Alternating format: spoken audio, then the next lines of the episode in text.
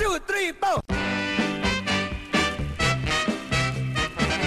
Euskal Herria irratian, Metrópoli Forala.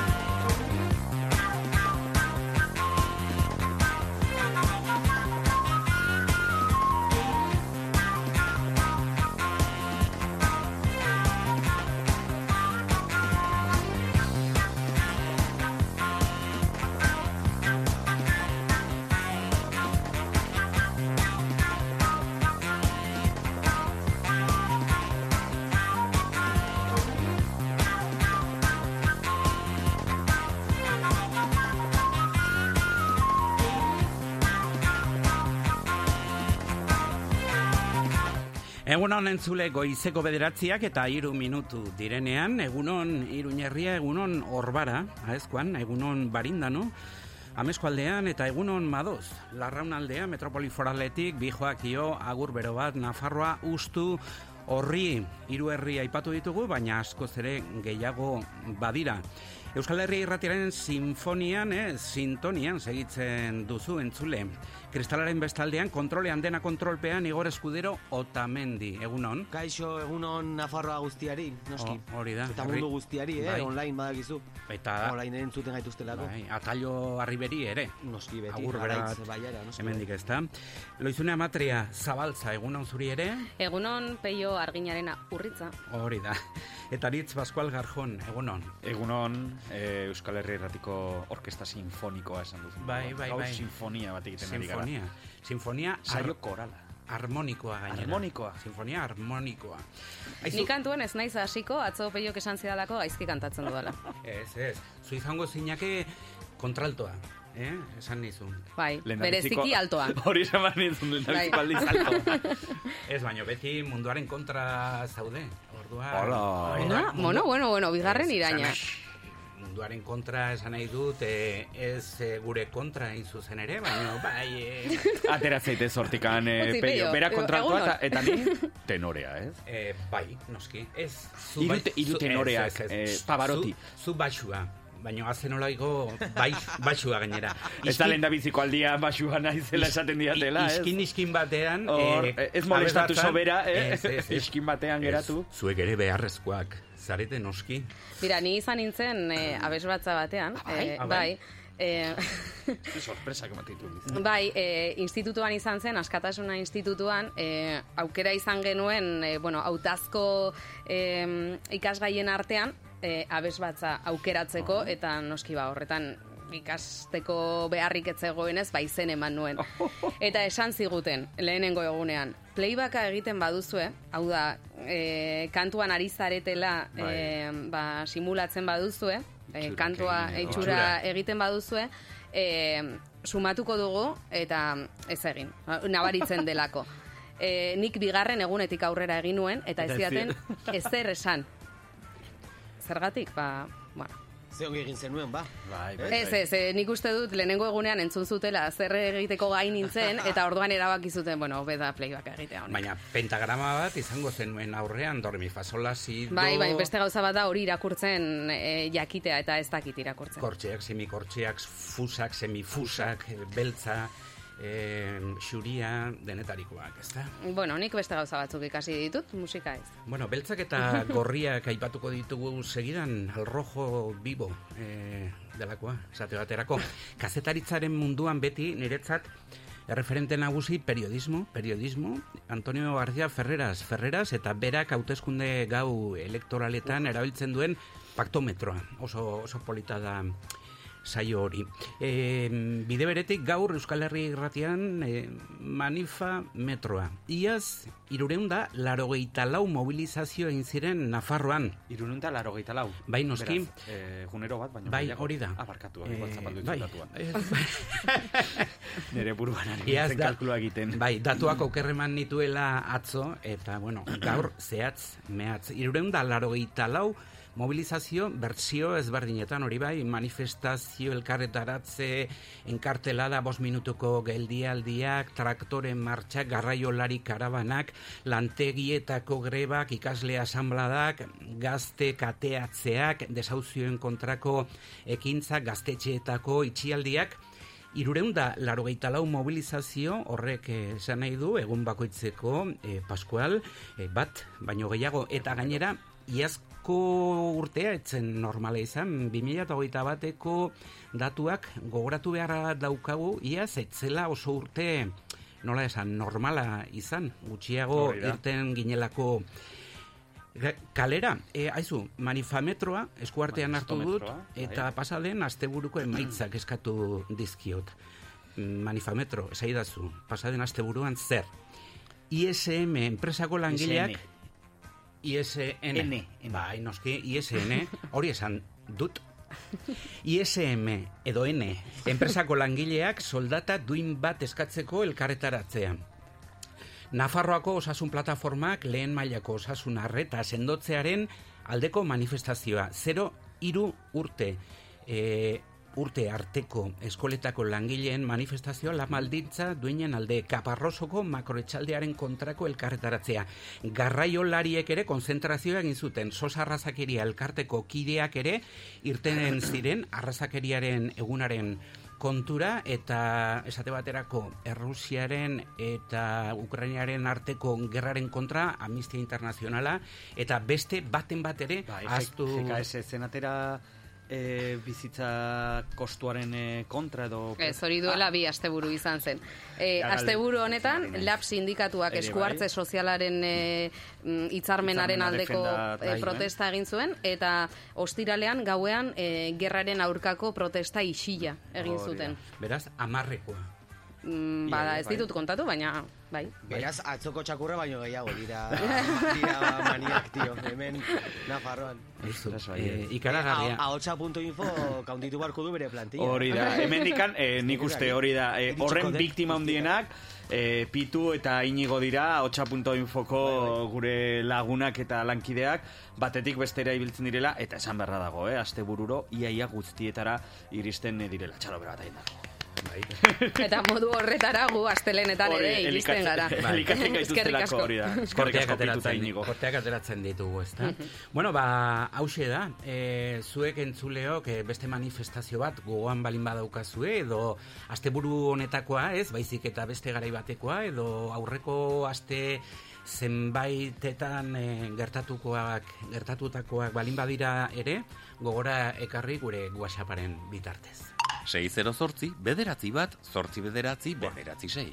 Eta manifestazioak aipatu dituzula, ezin dugu eh, aipatu gabe utzi, atzo Euskalgintzak eh, dei berezi bat eh, egin zuela, maiatzaren zazpian eh, Euskararen dekretuaren edo merezimenduen dekretuaren kontrako manifestazioa eh, antolat, eh, zazpirako manifestazioa antolatu dute, eta, bueno, ba, hortxe deialdia, diote kalera atera behar garela gure eh, hizkuntza eskubideak eh, ba, arriskuan direlako. Aizu, udaltzaingoak, korrikak, korrika txikiak, e, mobilizazio bezala konsideratuko ditu, batek daki, ezta? Ba, ez zen eta espaloietara bidali dituzte eta manifestazioak ez dituzte espaloietan e, baimentzen. Atzo bitxia izan zen, e, Iruñeko udalean egon zen eztabaida, izan ere e, herritarret- herri- herritarrekiko segurtasunerako zinegotziak esaten zuen korrika txiki guztietarako e, errepideak mozteko adina poliziarik ez dagoela, eta oposiziotik gogoratu zitzaion. Bai ordea badaude poliziak bermatzeko espaloietatik eh, joaten direla, beraz, ez dauka zentzurik eh, Navarra sumak esaten duena, ez? Bi poliziek eh, erraz eh, moztu ezakete errepide bat, eta bi polizia bidaltzen dituzte hain zuzen eh, zelatatzera, ez? Eh, korrikak espaloietatik joaten direla. Gainera Asko- guztiz egiazkoa ez den informazioa ere Ja, eman zuen bai, zinegotziak, ez aipatu zuen korrika txiki bakoitzak eskatzen duela bi orduz errepide bat izteak eta hori badakigu denek parte hartu izan dugulako horietan hori ez dela egia. Bost Eh, minutuko gauza dela Errepidea moztu egiten da, gurutzatzen dutenean eta gero berreskuratzen da trafikoa berehala. berehala eta berak esan zuen bi ordutan ezin ditugu errepideak moztuta izan e, zebitxia eh, ematen ari den eh, egoera hau berriz ere.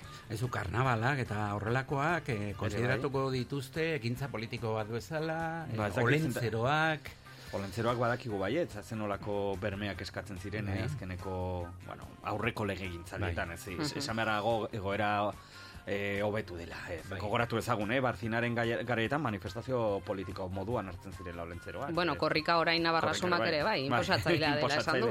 Ze polita zen da, ze kontzeptu, eh, Peret Niebasen eh, adierazpenak entzun da, ah, eske korrika inposatzailea da, Euskara eh, Nafarro osoan eh, ofiziala eskatzea eskatzen duelako, zer nahiko dut eh, korrika anitz, atzi- anitzago bat, eh, Eh, gaztelera ere bai, ez, eh, ez eh, la, la korrika, eh, la corriendo, edo lako zeo zer... E, nahiko dute korrikak e, Nafarroa zeharkatzen duenean e, Euskararen legearen araberako e, zonalde horietan baldarrikapenak aldatzea. Claro, claro. Orduan, eh, zonalde, eh, hemen iruñerrian tipi tapa, tipi tapa, korrika, ando, ando, ando, ando, korriendo, esatea, eta herriberan, solik ando, Solo- ando, ando, korriendo. Bai, Hori da. Modelo G, modelo G. Zatu geratik pasatzerako. Hori da, hori da.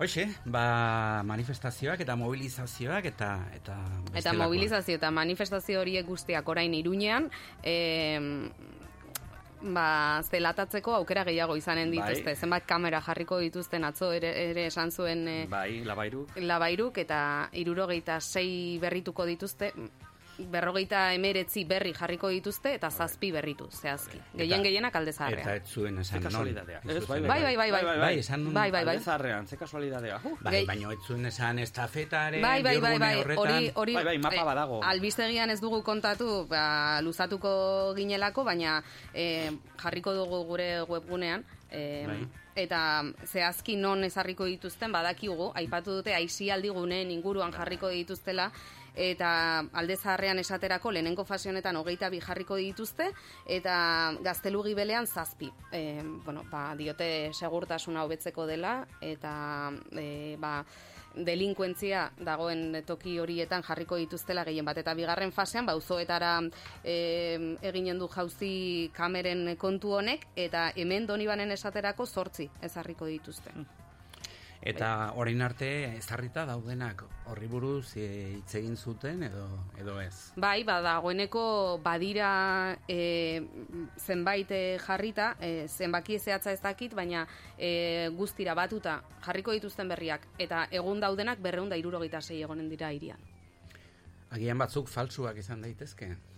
Ez, ez, nik uste dut Bai. guztiekin kontrolatzeko aukera izanen dutela. Bai, horregongo da udaltzain bat begira begira Baina gero, etengabe. baina gero zertarako erabiltzen diren irudiak e, ikusi barko datzen da beira. Neri behin, e, lapurtu zidaten e, bizikleta bat aldezarrean, non eta e, foruen e, monumentoaren e, ondoan. Eta hor, zaintza kamera pilo bat dago, bai Nafarroko gobernugak, bai Iruñeko udalean joan zen. Foru zainen gana e, salaketa jartzera eta eskatzera jo, ea ikus dezakezuen e, kameretan, e, seguronik ikusiko da, norkera manduen, zen da gainera egun argitan izan zen e, lapurreta hori, eta esan zieten, kamera hauek ez daude zure bizikleta zaintzeko. Ja. Mola zaintzeko daude, ez da? Mola? Mola eta nola zen? Bestea, Sanjurjo. lurperatuta Sanjurjo. Ez ez ez foruen monumentuan, e, Ah, foruen monumentuan. sarasate pasealekuan izan zen hori, bai, bai, bai. Vale. Eta erantzuna izan zen hori, e, kamera hauek ez daude zure e, bizikleta zaintzeko, eta ni eskerrik asko bada. Bai. Diputazioa. Ez zenuen galdetu, zertarako daude?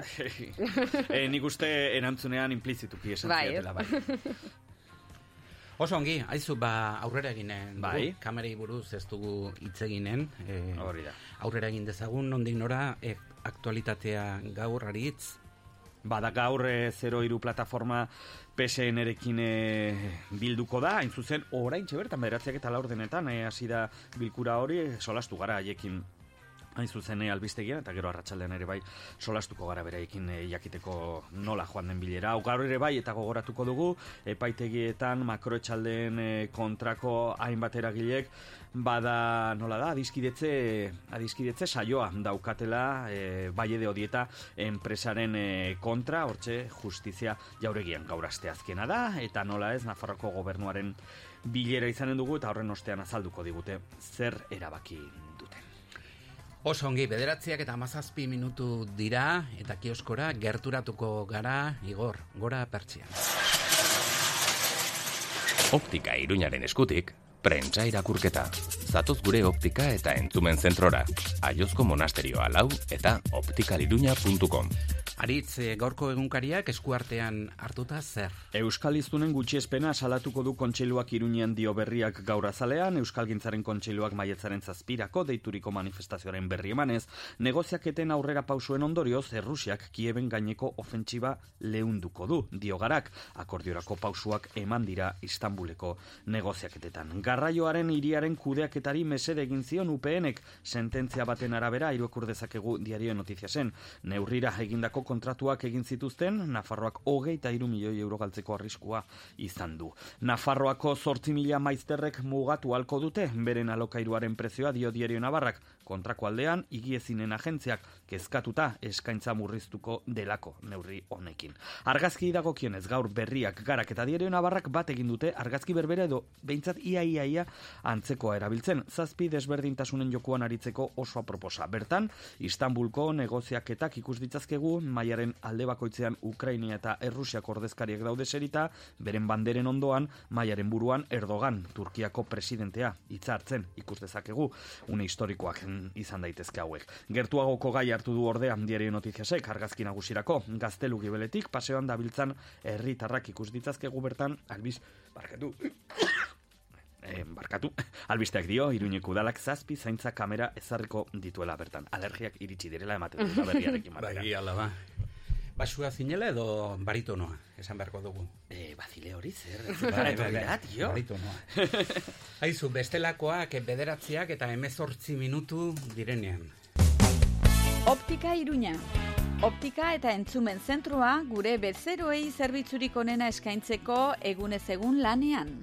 Optika Iruña Aliozko Monasterio Alau Donibane Uzoko osasunetxearen ondoan eta optikairuna.com webgunean.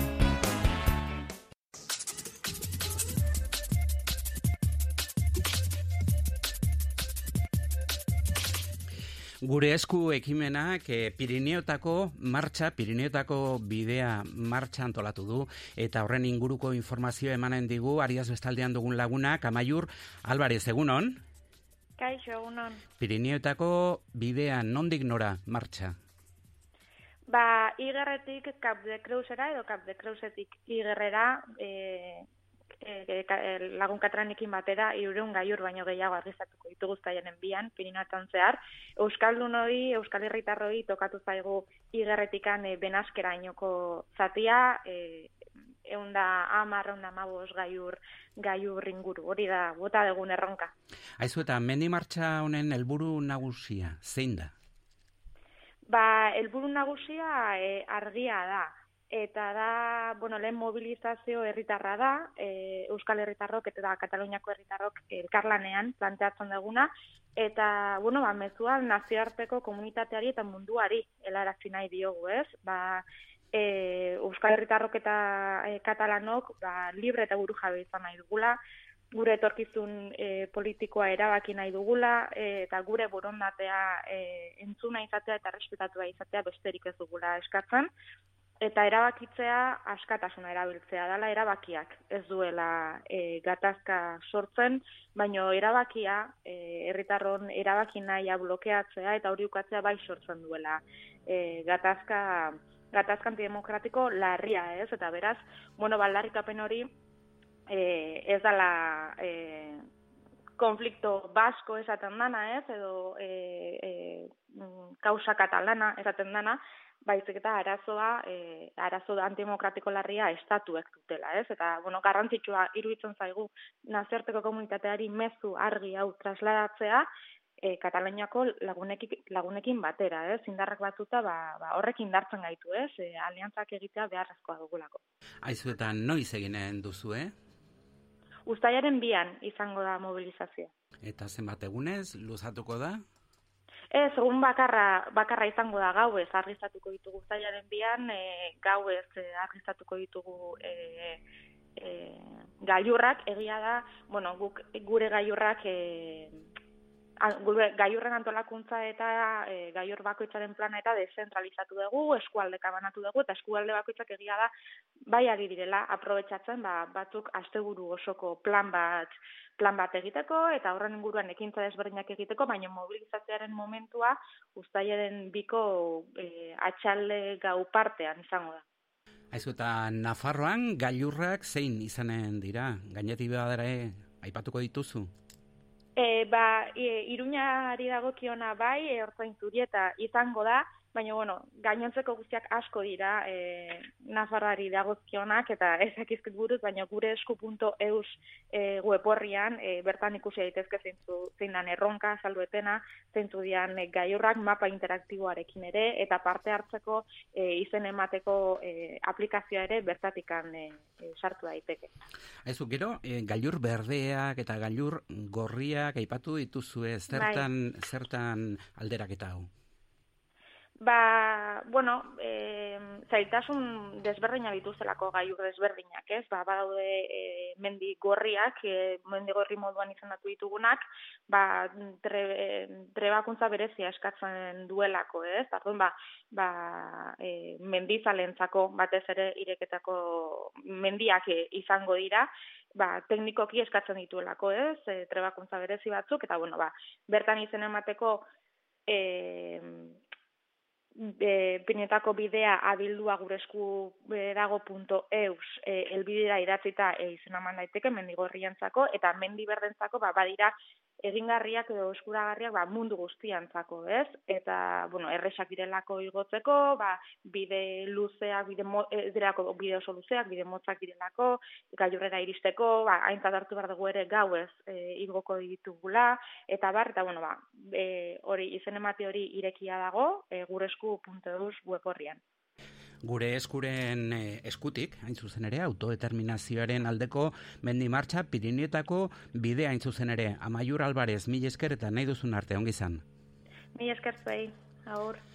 Eta aurrera ginen dugu, taladroarekin dauen langile horrek, usten badigu behintzat. Izarra tanatorioen eskutik, kantatalka.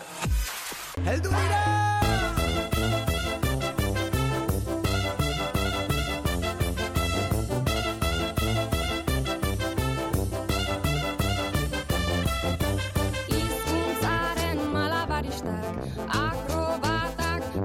protagonistak Herri honen ilusionistak Bidera atera gara mundura atera gara Herri zerri garoko gara.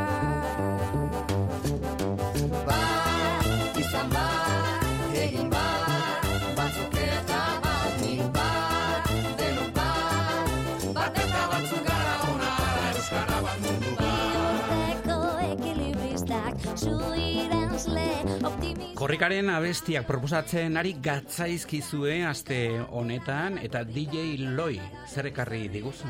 Bada, hogei garren e, korrikarako aurkeztu ziguten abestia ekarri dut, 2000 eta garren urteko korrika izan zen hogei garrena, bat zuk izeneko, bueno, edo lelopean e, egin zuten, eta e, ba, Egia esan oso zaila egin zaite aukeratzea bestia. Igorri bat, bat bidali diot, e, gero bigarren hau eta hirugarren bat ere banuen, baino esan dut, bueno, ez. Albistegi bat daukat eta eta horretan ere e, jarri beharko dut, e, bueno, goizean goizera baki dudalako zer ekarri.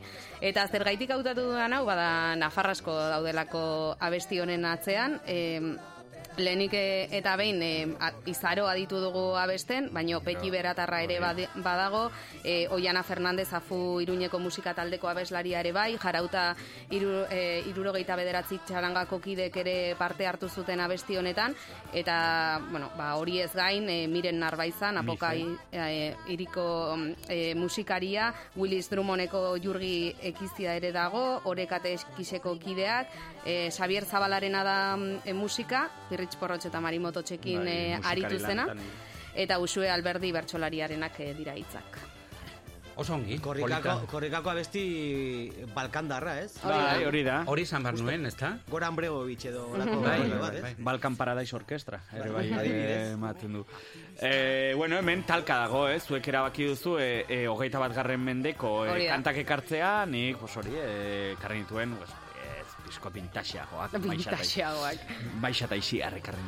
Eta nik eh, nire hortxe nabil, Pascual, nik duda asko dituz, eh, Egan, Igor, egan. Ez, osea, oso zaila egiten zait zerbait defendatzea ez baldin badu gustoko. Orduan oso aukera gutxi... E, egan ez duzula gustoko Ba, ez egan badu gustoko. Ah, ah, ah. Baina gian historia gehiago ingo dut.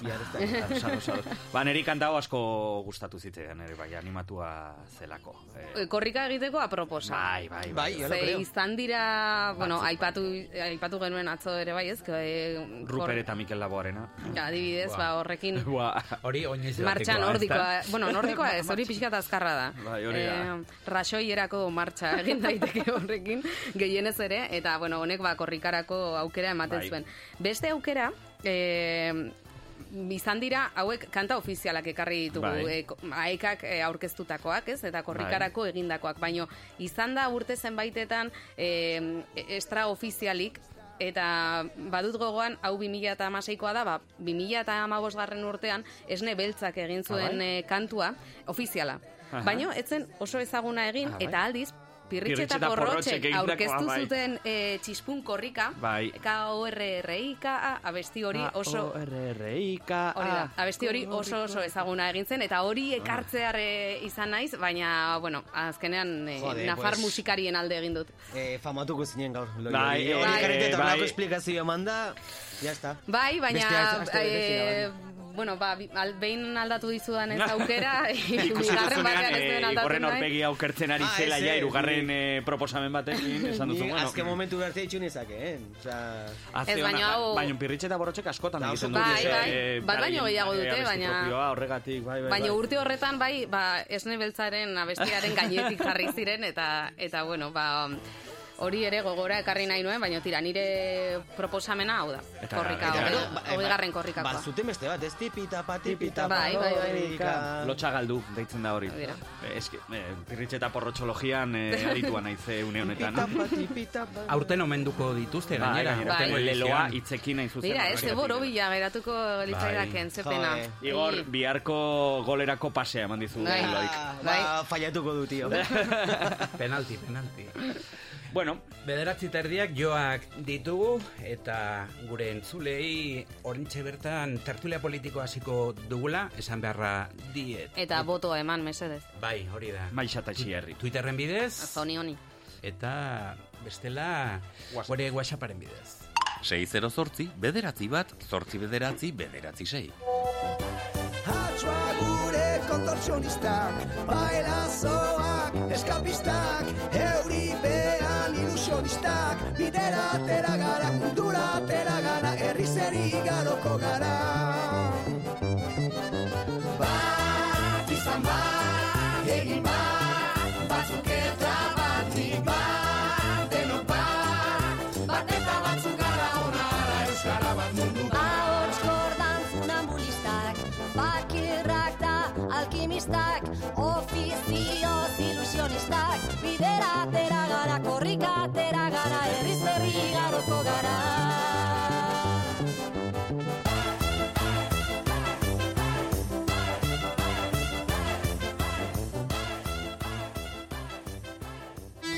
Izarra tanatorioaren eskutik, kantatalka. Iruñeko erdigunean gaude, baita txantrean, sakanan, baztanen, malerrekan, bortzirietan eta lizarran ere. Izarra tanatorioak, hemen, zure ondoan.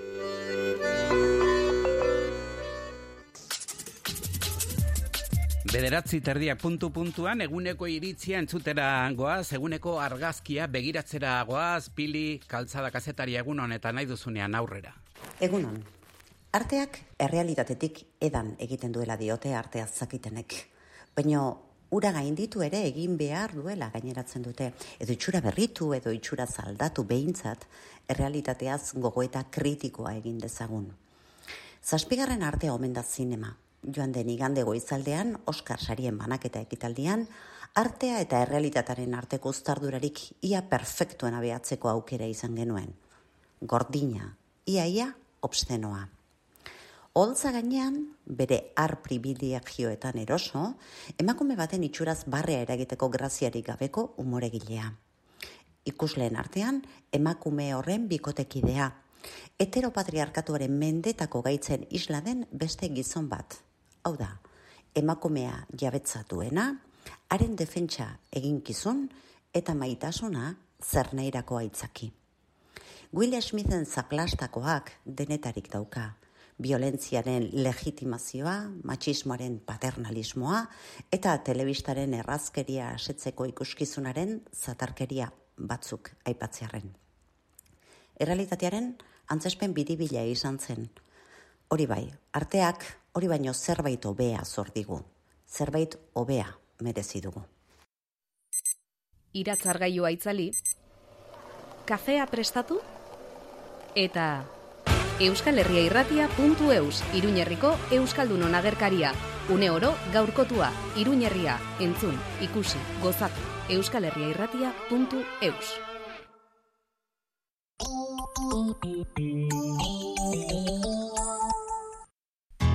Kirola egitea gustuko duzu? Itxaso karabanak zuretzako diseinatutako kanperrak. Mugarik gabe bidaiatu nahi duzu? Zuretzat diseinatutako autokarabanak eta karabanak. Bidaiatzeko orduan erosotasuna bilatzen baduzu, itxaso karabanak. Eskirozko bigarren eskualde industrialdean, iruñetik bost kilometrora. Hogeita mar urte baino gehiago, bizi eta bizi modu honetaz gozatzen.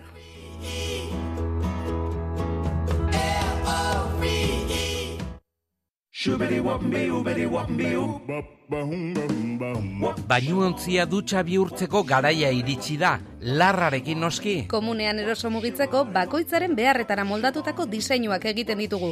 Komun osoa zahar berritu edo bainuontzia dutxa bihurtzeko, kozinaslarra, mutiloako industrialdean eta kozinaslarra.comen aurkituko gaituzu. Badakizu kozinas larrarekin zure ametsetako komuna.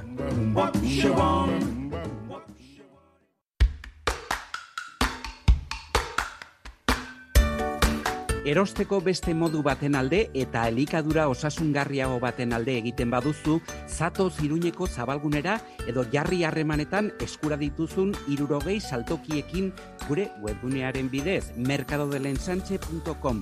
Kalitate goreneko produktu sorta handi bati buruz aholkularitza jaso, zabalguneko azoka gurea den horretaz arro, Nafar gobernuaren diru laguntzarekin.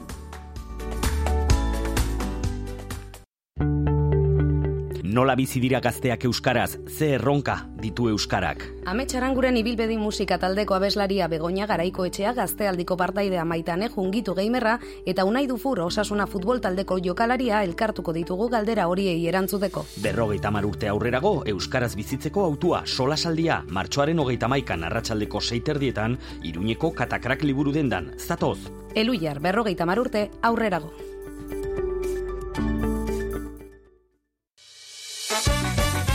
Biatz, rokodromoa, maila guztietako erronkekin ornituriko bulder instalazio zabalak, kirol eskaladan aritzeko lekua, zailtasun ezberdineko bide eta makurdura aldakorrekin. Adin eta maila guztietako ikastaroak, astapenekoa sei urtetik gorako aurrentzakoak eta helduentzako entrenamenduak taldeka. Informazio guztia biatz.com webunean eta sare sozialetan. Biatz rokodromoa, landabengo industrialdean gaude.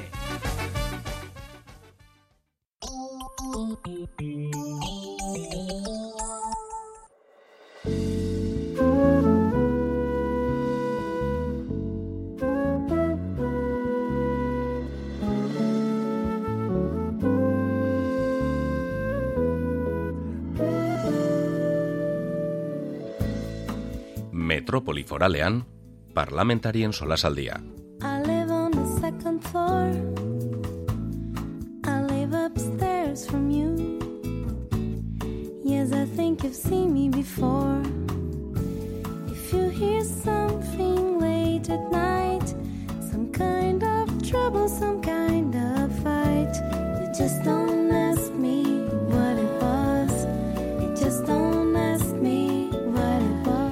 Elkarrizketa politikoaren tartea zabalduko dugu segidan, gero abeiko Maria Solana, egunon. Egunon.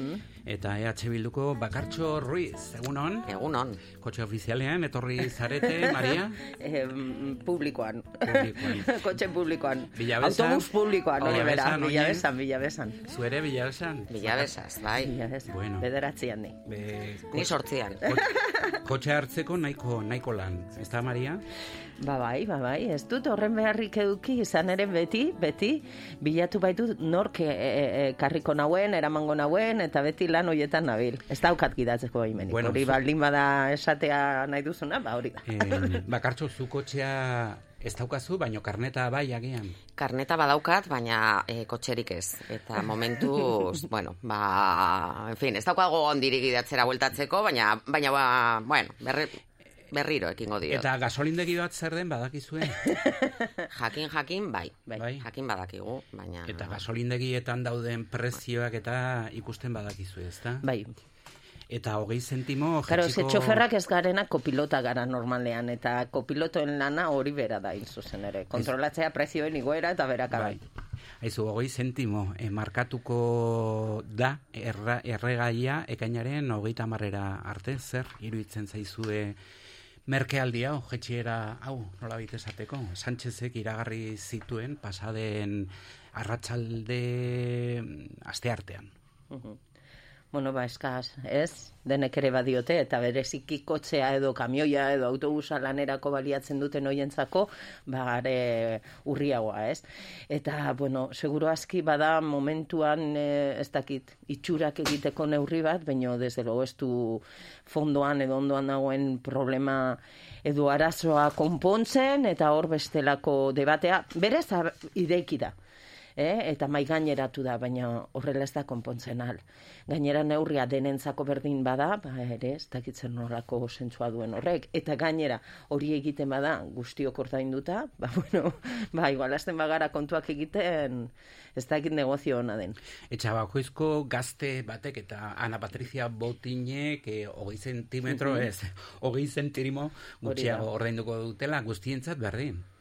Bai, hori da, lako neurriek daukaten gabezia handiena, en zuzen, na, e, ezin direla modu progresiboan e, aplikatu. Beraz, e, e, beste modu estrukturaletan egiten ez baldin bada, edo bestelako neurri estrukturalagoak hartzen ez baldin badira, e, nekez izan daiteke partxe, partxe bat baino, baino gehiago. Gainera, fin, e, atentzen baten didana da, hogei sentimo hoietatik estatuak amabos jartzen dituela, eta petrolerek, hain zuzen, e, azken bolada luze honetan eta bereziki Ukrainiako gerraren e, aitzakiapean e, alako espekulazioa egiten ari direnak. Orduan petrolerek e, e, bueno, ba, bost zentimo jartzea, e, fin, etekin eta eta izugarrizko etekinak e, lortzen ari direnean eta estatuaren gain e, ustea hiru aldiz e, gehiago ba ez da, ez progresiboa eta eta partxe batetik arago esan bezala, e, ba zer gutxi. Bueno, ba, ongi etorriko da, ba bai, pues berreu edo bi euro ordaintzea baino, ba, bat laro gehi ordaintzea, baina horrek fondoko arazoaz du konpontzen, ados nago. Egin dezagun aurrera eta bihar e, eginen duzue plenoa parlamentuan eta erligio irakasleen inguruan solastuko zarete lege horren e, tramitea onartuko duzue e, parlamentua gazte honetako osoko bilkuran. Erabakiko du Navarra Sumaren ekimena tramitera onartzen duen e, ala ez eta zuek e, Maria geroa bai erligio irakasleen legearen alde bozkatuko duzue beste irtenbiderik topatzen topatzen ez bada. Bai, e, aintzat hartzearen alde, lehen bizi, eta gero izango da zuzenketak sartzeko epe bat, eta gero legea bera eztabaidatuko da aurrerago, eta horren alde ez baldin bada aldaketarik egun dagoenaren arabera. Orduan, bai, e, esan dugu, baina esan dugu orain, eta esan genuen duela lau urte. Hasi ginenean gu ikusten nola egin behar genuen, zer behar genuen murrizteko e, erligio ikasgaia, Orduan mm, bildu ginen langileekin eta adierazi genien zaintzen gure asmoa eta konpromisoa agertu genien ba, beti ere saiatuko ginela euren e, egoera mm, bueno, pues, behintzat duintasunez tratatzen edo alik eta modu oberenean tratatzen eta eta bermatzen egun zutena. Izan ere horretako eskubidea batute. Badira langile fijoak, publikoak. Publikoak fijoak. Eta Elizak eh, agintzen ditu eh, Elizak eh, kapazitatzen ditu. Hizkuntza eskolak kapazitatzen duen bezala hizkuntza maila. Eta horren arabera, zu baduzu kapazidade hori edo titulo hori edo agiri hori duen hainbat pertsona, eta hoiek eh, dira lanerako pres daudenak eta hoietatik hartzen dituzu lanerako zuk. Aizu, erligio irakasleen inguruan ari garenean, eh, erligio klase hori ekorrere, esate baterako erligio islamista ere konsideratzen da? Karo, ni saiatu nintzen, e, gu saiatu ginen kentzen erlijioa ikasgeletatik eta estatuak ez baldin badu salatzen denuntziar esaten da, baino ez baldin badu katzen e, konkordatoa Vatikanoarekin ezin da kendu. E, pesoek agertu du ez duela eginen. Orduan, morrizketa besterik ez da, ez da egiten al. Eta orduko horretan ikusi genuenean hori, ikusi genuen ere, laro gehieta mabiaz geroztik, islamistek ere, edo islamako uh, eh, erlig- islamak baduela ere mm, eskubidea egoteko eskolatan. Eta judutarrek ere badute eskubide hori, eh? legeak, eh, Espainiako lege basiko batek errekonozitua. Evangelistek ere bai badute eta egun badaude. Hainbat ikasgelatan evangelistak. Orduan bai, baina bueno, hau Espainia mm, gertatzen den ez dakit eh, gauza ez dakit anomaloa den edo ez, baina hemen beste kredorik ez balego bezala konportatu egiten dira, eta bueno, pues horretan ere ezberdina gara. Bueno, zuen botoa kontrakoa izanen da. E, bai, bai, kontra bozkatuko dugu. Eta hala ere horrek ez du ez du kentzen e, departamentuak e, alegin bat egin behar duela konponbide bat e, bilatzeko. Egia da Mariak dioena, e, langile finkoak dira, e, kontratu e, kontratu finkoak dituzte eta langile publikoak dira, e, beste dozein e, konsiderazioaren e, gainetik. Eta egia da, erabaki politiko bat hartzen denean, eta guk babesten dugun erabaki politikoa da, e, momentu honetan egin daiteken egitea, alegia, ba, erligioak e, e, eskaintza derrigorrezkoa dauka, eta eskaintza hori balden e, gehien murriztea. Horrek e, karga lektiboa e, erdira e, eramango du. Eta eta lako erabaki bat hartzen denean begia da aurrikusi behar direla. Horrek izango dituen ondorioak eta eta eta kalte kolateralak nolabait esateko. Eta egia da era berean e, kolektibo hau e, nagusiki emakumez osatua dagoela nagusiki adineko emakumeak direla asko e, erretiragaren e, e, zain daudenak edo hemendik gutxira erretiratuko direnak eta eta hoietako asko, hogei, hogeita mar urteko ibilbidea daukate hezkuntza hezkuntza publikoan.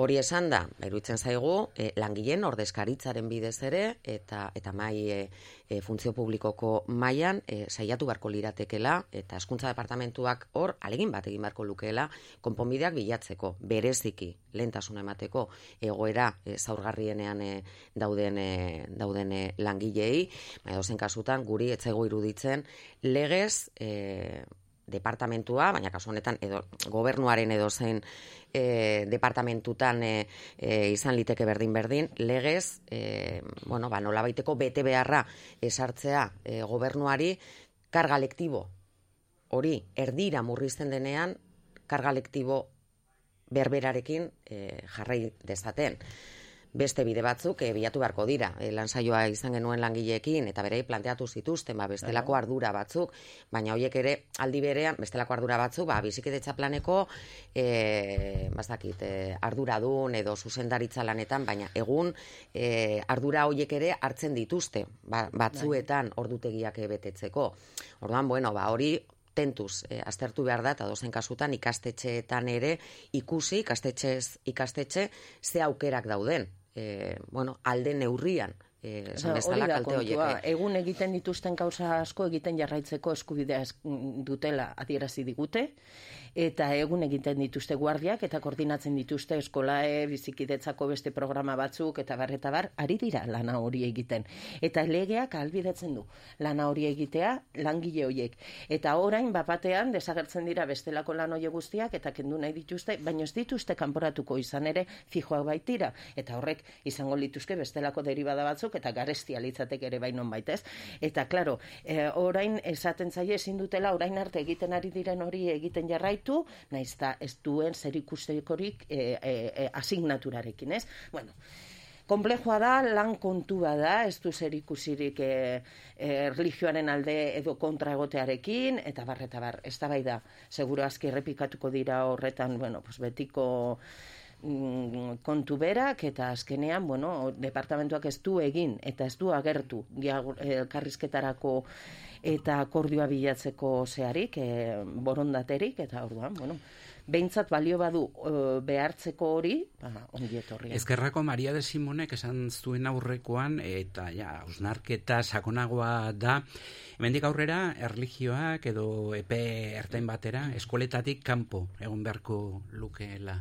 Hori esan dizut hasieran nik.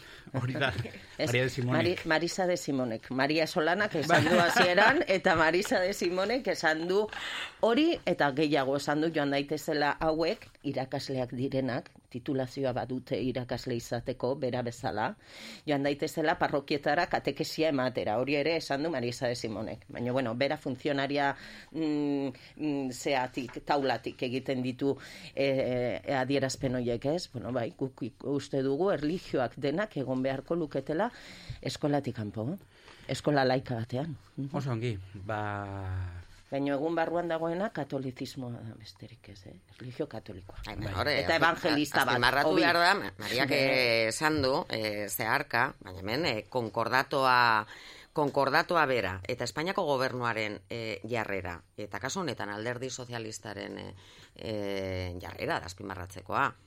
Eh, paradosikoa iruditu alzaio norbaiti. En fin, ba, alako erabakiak eh, hartzea bere esku dagoenean, eta Espainiako gobernuaren esku dago, eh, konkordatoa bertan bera ustea. Konkordatoak behartzen du hezkuntza administrazio oro erlijioa eskaintzera. Beraz, eh, eta beste, bueno, ba, Vatikanoarekin, harreman, orain arteko harremanean jarraitu nahi baldin badute, bueno, balako problemak eh, guk ere, babesten dugu. Eh, erlijioak espazio pribatuari.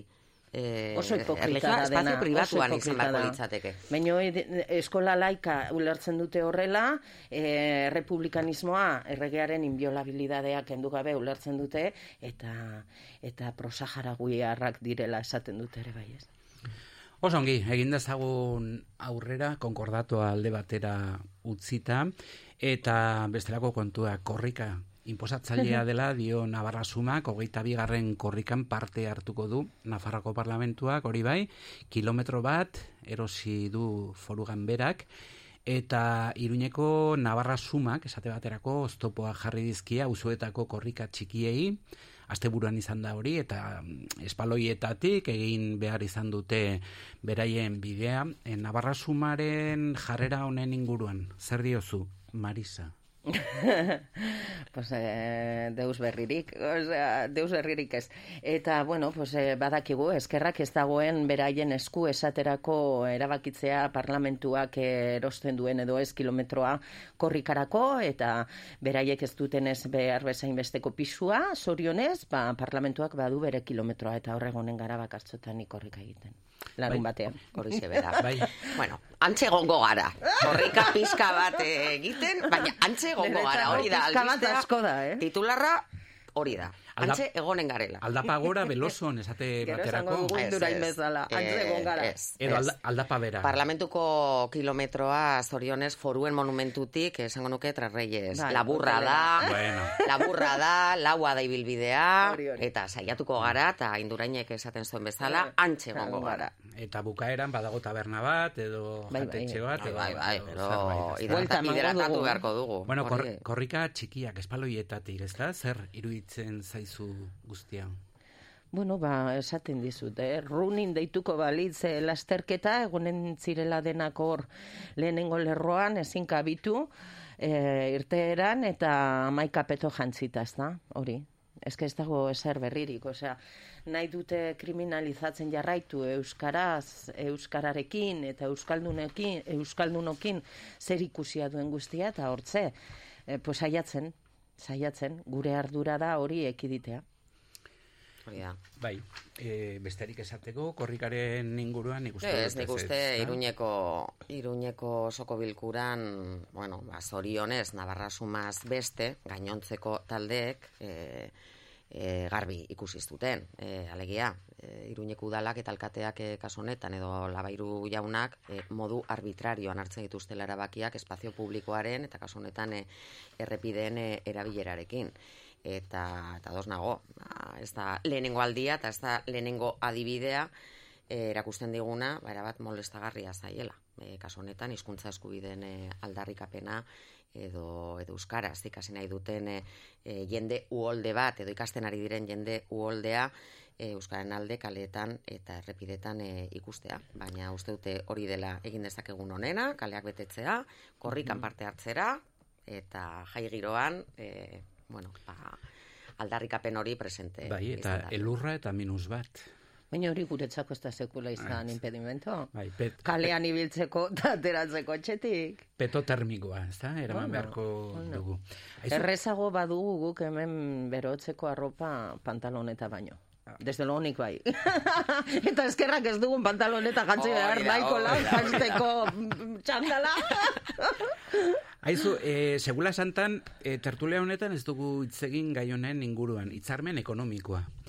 Eta hitzarmen ekonomikoaren e, inguruan, urrengo ostegunean, bihar oso gerezpanago parlamentuan beste behin hitz eginen duzue gai horren inguruan, Nafarroak eta Espainiako gobernuarekin onartutako hitzarmen ekonomikoaren moldaketak e, ez du inongo aldaketarik e, izanen naiz eta zuek e, proposatu, zer diozu bakartxo?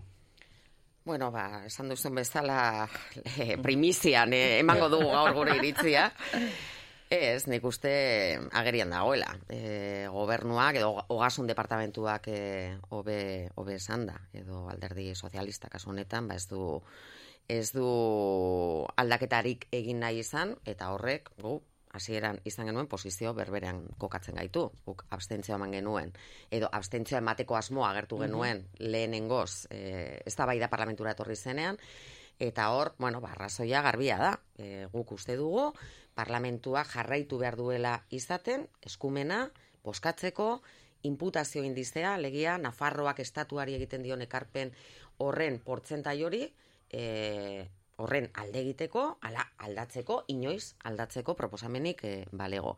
Eta, eta hori modu argian esan genuen, bai geroa bai eta bai, Bai. eta bai EH Bilduk, e, orain hori aldatu nahi izan dute eta hori mantendu dute. Beraz, ez baldin bada e, aldaketarik egiten, ba guk posizioa aldatzea e, en fin, zail ikusten genuen. Orduan kontraproposamen batekin etorri etorri ziren, baina kontraproposamen horrek ez zion heltzen e, benetako desadostasunari eta beraz, bueno, ba emaitza agerikoa da. Ba Navarra sumak e, ez zuen alde boskatuko orain dela hiru hilabete Mhm. ekarri zenean eta orain, bueno, pues antza, e, magia magia ariketa baten baitan, ba, testu berberari baiezkoa emango dio. Zergatik e, urbiltzea hau, Navarra Suma eta PSNren artean, zure ustez? Maria? Kontseilariaren doaiak. Osea, igual, Persuasioa. Persuasioa. Ez dakit, bueno, guk badakagu teoria bat, eta saldu genuen bere momentoan, eta uste genuen, ikusi genuenan e, espektakulo lotxemangarri ura lan erreformaren inguruan, eta UPN eta PSOEren arteko akordioa zaritu ginen horretan, e, bueno, pues uste genuen horratzean bazirela bestelako gai batzuk eta bestelako akordio batzuk etortzear zeudenak eta ho- horren hildotik etor zitezkenak, ez? Eta iruditzen zaigu horrelako em, akordioak badirela horren erakusle eta badela hor gogo bat eta borondate bat. Beste gauzatarako erakusten ez duten borondate eta gogoa, bueno, pues hor jartzen dute dena. Arrautza guztiak txaski horretan. Eta gogoz eta eta ahalegintzen egunez egun eta saiatzen gurekin edo gainontzeko sozioekin saiatzen ez diren guzti hori, ez? Eta energia guztia dute jarrita horretan, bilatzen babesa non eta UPN-en. E, eta diot UPN-en, ez diot Navarra Suman, ze Euskalo zer gertatuko den Navarra Sumarekin. Baina UPN, UPN-erekin, bueno, urbiltze prozesu hori e, e, ematen hasi da, eta ez dakigun oraino helduko den, ez? E, konparatze aldera dabiltza hor, e, erakutsi nahian nola gu ere bai hurbiltzen garen upeneren gana, besteak beste erlijioaren honekin. Eta lelokeri bada, izan ere gu gaude, laurte geunden toki berberean gai horren kontura, guk eraman genuen testu berbera zuzenketa moduan beste lege baten aurrean, eta bar, bar, ez du zer ikustekorik. E, hemen egon da variabilidadea eta aldaketa osongi azaldu du bakartzok, zein zen jarrera UPNerena eta non ikusiko ditugun bihar. Ikusiko dugu, diskursoa zorionez dago e, esparzarena, bi, e, diskurso egin zituen e, abenduaren hogeita iruan, jasoak daude, daude sesioen e, zean, diarioan, eta eta hortzea irakurri daiteke, ia bihar zer kontatzen digun, nola saltzen duen jarrera aldaketa hori. Bueno, UPN gerturatu nahian, PSN-eren gana, dena den... za- Mm, ez dakit. Dena den zat- Nor zat- da bilen interesatuago. Ah, bai. Igual PSN UPNeren gana. Zatiketa izugarria ikusten da dena den eskuinean, ez da? Danero eta saia zen plataforma UPN e, e, argitu dugun bezalaxe, PP primarioetan, Vox e, aurkeztuko den edo ez, Ciudadanos desagertzera dijoa, gutxi gora bera. Bueno, e, e, Vox aurkeztuko denik ez daukat zalantzarik. E, 2019an aurkeztu zen. Ze kontu bada, ez zuela ordezka, ordezkaririk e, atera. Baina Vox orain dela hiru urte aurkeztu baldin bazen, pentsa orain nola egingo duen inolako renuntziarik e, e, inkestek ematen dizkieten e, e, emaitzak ikusita inon aurkezteari. Eta are gutxiago Nafarroan. E, baina egia da, panorama oso irekia dagoela, e, eskuinaren barruan. E, bueno, ba, antza, badago zatiketarik, baina ez dezagun astu, bueno, ba, ba, eskuinak azten momentuan beti estatu interesak eh, lehenesten dituela. e, be, guri, nahi duzu esatea, balik eta eta zatituen aurkezten baldin badira hauteskundetara, ba, ba orduan eta eta hobeto. E, bestelako gehiengo batzuk e, e, lehenesten ditugun ditugun ontzat, baina dozen kasutan ikusteko dago, eh? Mhm. Ni oraindik fin, kristalezko bola e, mila buelta ematen ari da. Bilduko dira, ezta? Eskuineko indarrak, zer uste duzu, Maria? Beharra ikusten badute, bai, eta, eta datuek eta dituzten inkestek ala esaten badute, behar dutela batu e, lortu aldera pisu gehiago, bai, egingo dute, zalantzi gabe. Nik uste Navarra suma berez egun ezagutzen dugun bezala ez dela errepikatuko, bino esan daiteke beste bat, osea, eta ikusiko dugu, ez, e, karo, egin beharko badira, elkartu, adanero eta saiaz bat ez dakize plataformatan o, o boxen barruan batek daki eta UPN, bueno, ba ikusiko dugu, ikusiko dugu. Nik uste dut eh, interesa gehiago duela egun UPN, eh, hor- beste horretan, esan dizudan horretan. Eh? Osea, begiratzen ari da PSN gehiago box baino. Eta interesatzen zaiona hori da. Eta esan duzu Eta PSN gainera barrutik joaten bazaizkio e, ultraeskuindarrenak, ba, pentsa, ze, ze lanak. El kendu buru bakarra dute, eta da, gobernura bueltatzea. Hori da, eta, horretarako deabruarekin ere elkartu behar badute, baino deabrua ez dagitzaiaz barne dagoen horretan, eh? Definizioan. Bide eraginkorrena. Aurkituko dute, helburu horretara hurbiltzeko. Eta PSN-era hurbiltzeko eta PSN ere baduela interesa e, zue jakinen duzue gertutik, ezta? E, gobernuan zaudetelako 10 segundo dituzu. Baina guari gara ikusten, gurekin e, negoziatzen baino alegin guztiak egiten baditu besteen botoa bilatzen, hori interesa da. Elkarrizketa politikoaren tartean, gure artean, geroa baiko Maria Solana, Maria, Maria, Marisa Bai, ez. Marisa ez. Eta EH Bilduko bakartxo Ruiz, mila esker eta nahi duzun arte, ongi izan. Berdin, agur. If you ask, that's what I'll say. It's not your business anyway. I guess I'd like to be alone with nothing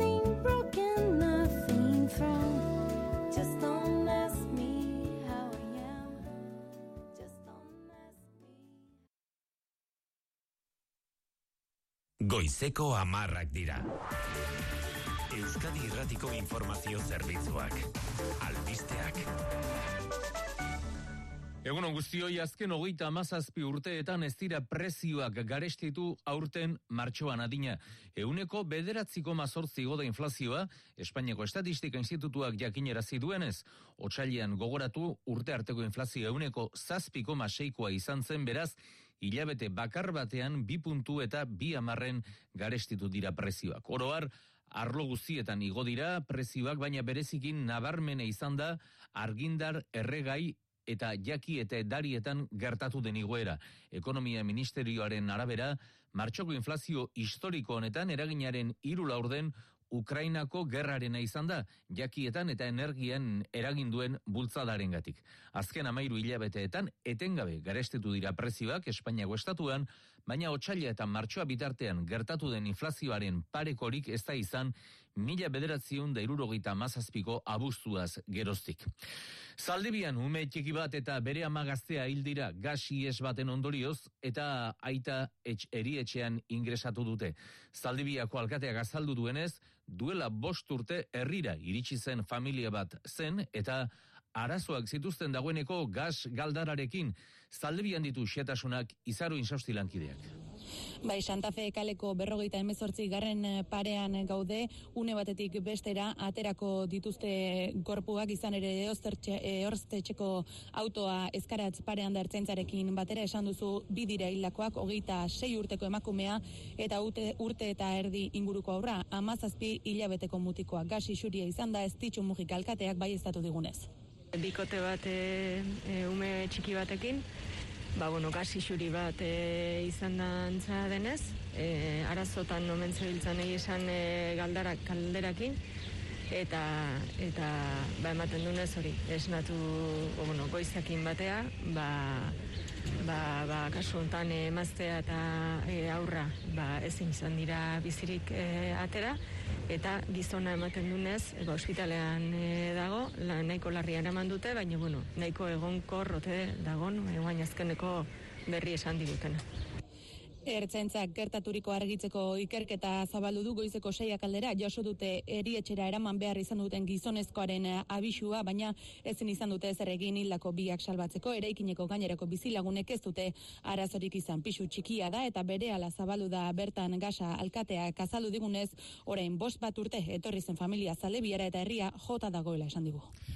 Jokin Bildarratz hezkuntza sailburua gaur gonbidatu izan dugu hemen Euskadi Irratian faktoria saioan. Hezkuntza lege berrirako legebiltzarrean lortutako euneko laurogeita marraren babesa azpimarratu du eta iragarri duenez legea bere osotasunean onartzeko zain egon gabe irailetik aurrera hasiko dira ikasturte berrian hainbat neurri martxan jartzen dagoeneko asunarozena. Bai egun hon segregazioari aurre egiteko neurriak datorren ikasturtean bertan martxan jarriko dira Jokin Bildarratz hezkuntza saiburuak Euskadi Irratiko faktorian iragarri duenez. Ikerketa bat egiten ari da zentzu horretan hezkuntza saila eta ikasleen matrikulazio prozesua esaterako modu zentralizatuan egitea ikasturte berrian martxan egotea aurre ikusten da. Gauza batzuk ez dira hogeita iru hogeita lau e, ikasturterako, baizik eta urrengo hilabetean, aprobatzen denaren urrengo hilabetean, eta beste hainbat gauza jarriko ditugu ja martxan segregazioarenak eta gero beste hainbat eh, matrikula eh, nolaiteko zentralizazioa. Eh, horrelako erabakiak ez daude lege horren baitan baizik eta ja momentu honetan lanean diardugu datorren ikasturtean ja eh, martxan pixkanako pixkanaka martxan jartzeko baina horrek eskatuko du baitale herri akordio bat eta horren e, bila jungo gea. Ikastetxe publiko zein pribatuen artean guztien artean banatu beharko dituzte errealitate ezberdinak esan du jaularitzak urrian lege proiektua onartzeko aurreikuspenari eutsi dio hezkuntza sailburua. Errebide sare nagusian ez dago arazorik, segurtasun sailak esan digunez. Euskalmeten iragarpenaren arabera, bukatu da eguzki giroa, goizean zerua estalit egongo da, eta egunean zehar tarteka egingo du euria, itxasartzean bakarrik, baina iluna barraldera ere iritsiko dira tantak barru aldera. Ipar mendebaldetik iritsiko da gaur haizea, eta arratsaldean indartsu temperatura jeitsi egingo da eta amabi, amabos gradu artean kokatuko dira gaurko altuenak. Goizeko amaiketan izango da burrengo albiste mankizun hemen, Euskadi irratian eta interreten albisteak beti eskura eitb.eu satarian. EITB komunikazio taldea Euskal Herria irratia, FM, laragoita emezortzi puntu iru.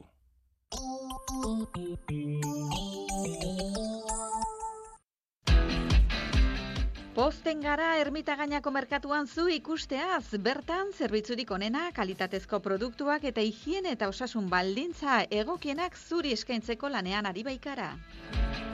Baina nahiago baduzu erosketak etxera eramatea, deitu 6 laulau, bost bat bederatzi bost, 6 bederatzi telefonora, edo sartu merkadoenkasa.us webgunean eta esaiguzu zer nahi duzun eramatea. Ermitagainako azoka beti zurekin, Nafarroako gobernuaren dirulaguntzarekin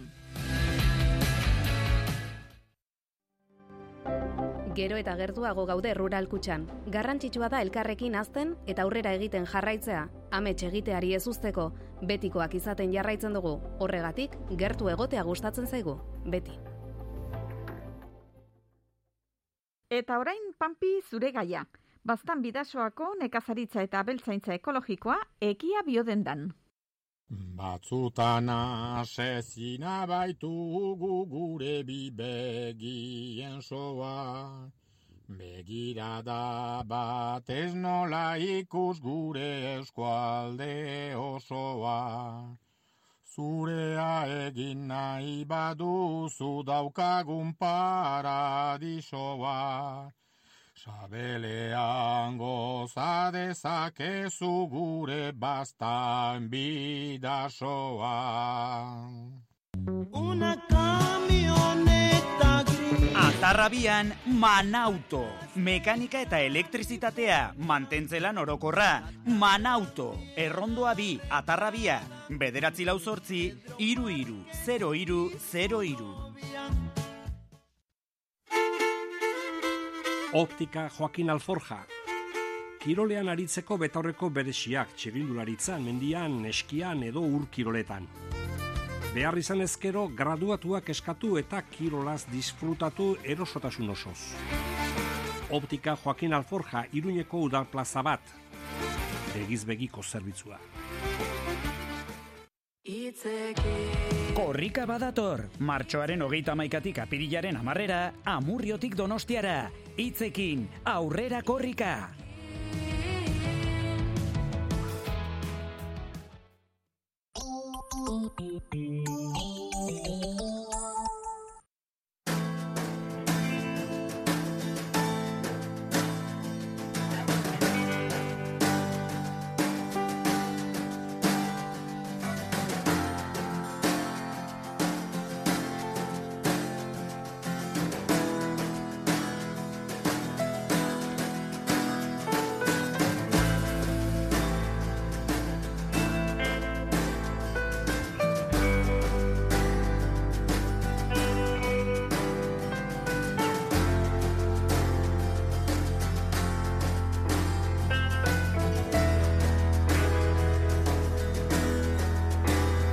Goizeko amarrak eta zortzi minutu dira entzule eta aurrera jarraitzen dugu Euskal Herria irratiaren sintoniean zaude Metropoli Forala zeharkatzen jarraituko dugu eta goizeko magazina egiten ari gara zurean, gurean, lehenik eta behin iritziaren tartea zabalduko dugu.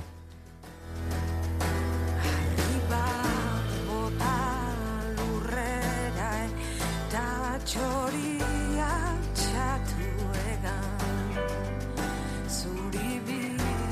pasa zaizkizu bizkar Metropoli foralean, minutu bateko manifestua.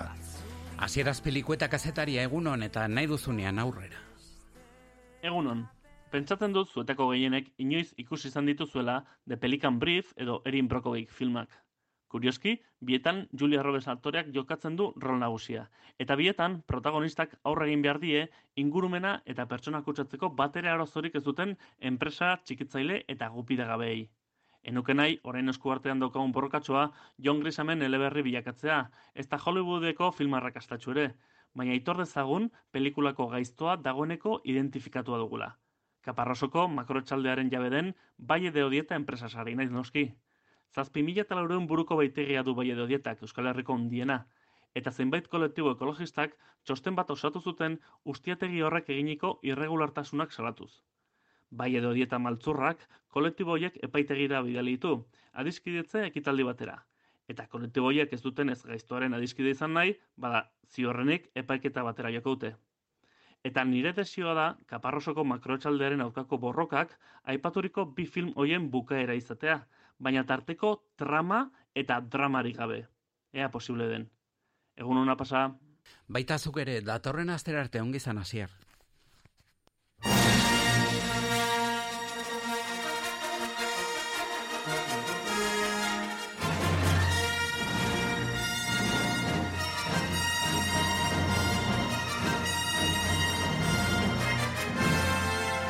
Metropoli foraleko eszena.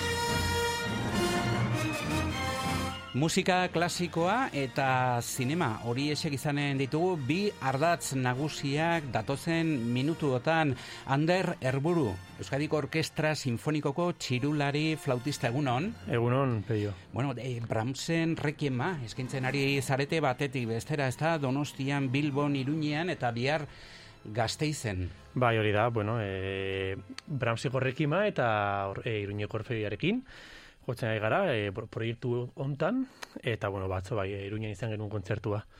Beti, beti eskatzen dizute, bueno, ari jakin bati jarrai diezaiogun gure gure sekzio honetan, ezta? Eta zuk gaur aipatu nahi duzuna musika klasikoa, zinema, musika konposatzaileen inspirazioa galdera egiten duzu, Bai, ezta? bueno, Oskarrak izan ziren orain dela bi egun, ez? Eta eh, ba, bueno, eh, Hans Zimmer irabazi zuen Oskarra, eh, eh, bueno, eh, musika filmaren eh, o, bueno, musika oberena.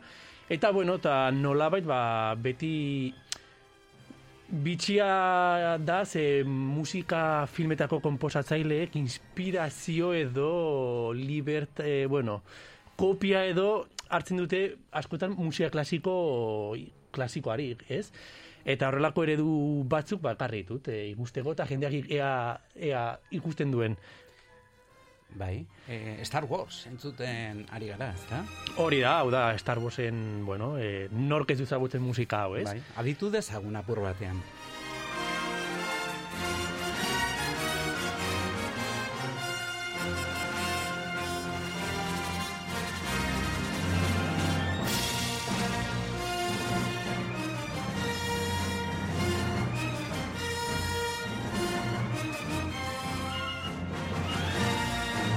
Gaur egungo musika klasikoa gizon hauek, eh, emakume hauek egiten dute, zinema zinema berezi egiten duten hauek. Bai, gutxi gora, bera, adibidez, e, bueno, e, John Williams, bueno, e, nork ez ezagutzen, ez? Edo Hans Zimmer. John Williams geroz eta gutxigo konferatzen du, baina Hans Zimmer e, nola baiteko, bueno, evoluzio asko egin du bere musika komposatu duenean, eta e, hasi zen, bueno, pizkat John Williamsen modura komposatzen, eta geroz eta musikagian minimalista ogoa egiten ari da, ez?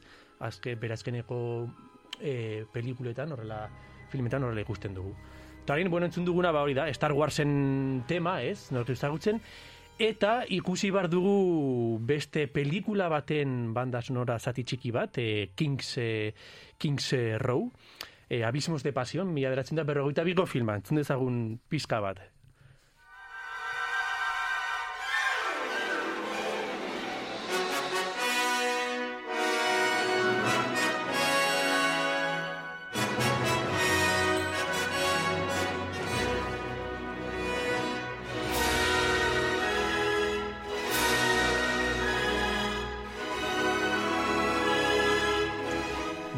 Zema, trompeta eta oso antzeko Ze, parezido. antzeko, ez? Ba, entzun, entzuten egara e, duguna, e, mila beratzen da filma bat da. Film eta, bueno, txurita beltze filma bat da. Eta Eriks Wolfgang Kornol komposatu zuen, e, Txekia Republika zen, eta, bueno, joan zen Ameriketara, bueno, garai hartako gerra eta guzti horrako historiak, ez? Eta una rakasta asko izan zuen Hollywood, baina ikusten dugun bezala, iaia berdinak dira, ez? Star Wars eta Kings Row. Guazen zutera bigarren, bi- bigarren eredua. Bai, trompeta gehiegi, ez da, lehenengo parte honetan. Bai, bueno, bueno, jo, eh, John Williams eta Star Warsen trompeta eta eh, metal asko erabiltzen ditu, asko tromboiak eh, horrelako musika, bueno, eredu ona da, ez, pelikularen ideiarekin, on, ongi dijoa. Bueno, zer entzutera goa, Zander? Bueno, orain Tchaikovskyren bibolin kontzertua. Agian eredu hontan ez da hain ondo nabaritzen, baina e, mila zortziren da irurogeita zortziko, irurogeita mazortziko komposaketa da, e, oso bibolin kontzertu popularra, e, romantikoa, eta bueno, eta lendabiziko mugimenduaren zati txiki bat entzungo dugu.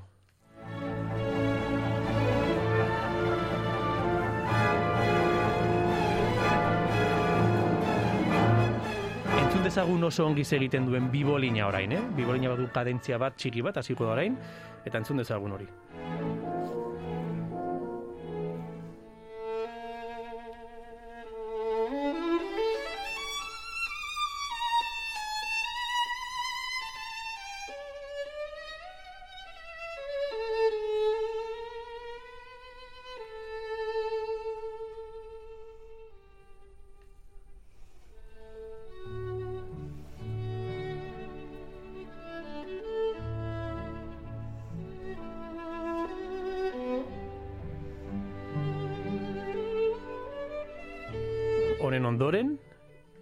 Berriz Star Warsera ba, ba, bagoaz. Hans, eh, Han eta Leiaren tema txiki bat entzutera.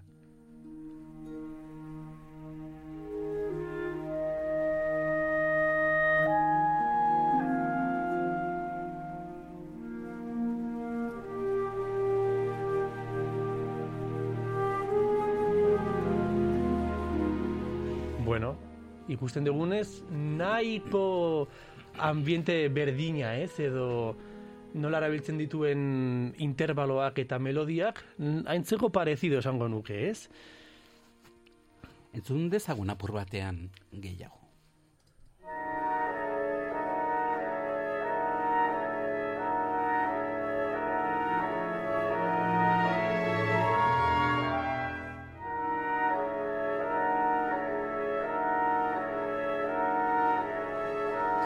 Tchaikovsky entzun eta eta bestelako artista bat Igor Igor Eskudero ez, Igor Stravinsky. Bai, horixe. Bueno, entzuten ari duguna da, e, mila beratzen da mairuko, e, bueno, e, La consagración de la primavera, The Rite of Spring, mila beratzen da mairuan e, idatzi zuen, eta Diagilef baletak e, estrenatu egin zuen e, Parisen, ez? E, bueno, hau izugarri modernoa izan zen, garai hartarako, nola Stravinsky erabiltzen zituen instrumentuak, e, e, tesiturak, efektoak, e, horlakorik ez zen inoiz entzun Parisen eta ez da ere balet batean, beraz.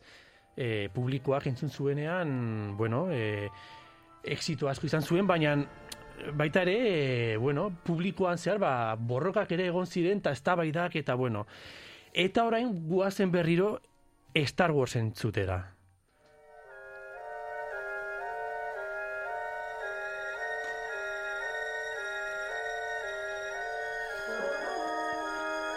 Ze uste duzu, ze uste duzu, peio?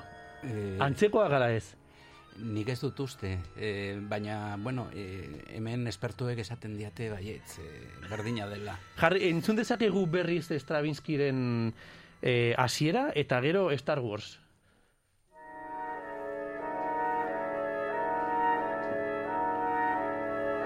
Hau da Stravinsky? Bai, eta beste bertsioa entzunen dugu segidan? Eta hau Star Wars. Bai, antzekoa ez berdin berdina. Berdin berdina, ez? Bueno. ba bueno, eh, orain jarraituko dugu beste adibide batekin, baina orain ez ditugu bi konparaketa egin, egingo. Hiru. Eta gainera, bi konparaketak John Williamsen eh, musika da, baina bi filmaz berdina. Lehen da biziko entzungo dugu eh, obra berdinean, beste zati txiki bat, gero Star Warsen zati txiki bat, eta gero Harry Potterren filmaren beste zati txiki bat.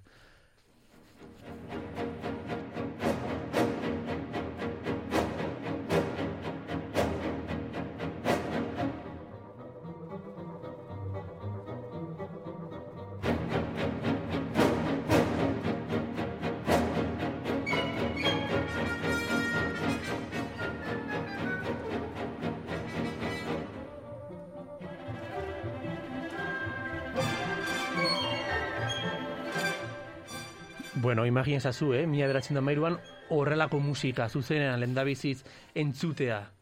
Jo, eh, impresio asko eman barko izan luke, eh? Ze garai hartan. Bai, kritikak eta puristak ez da. Bai, puristak, bueno, ba, puri, purista gehiagia gian. Eta orain, guazen zuzen entzutera Star Wars eta gero Harry Potter.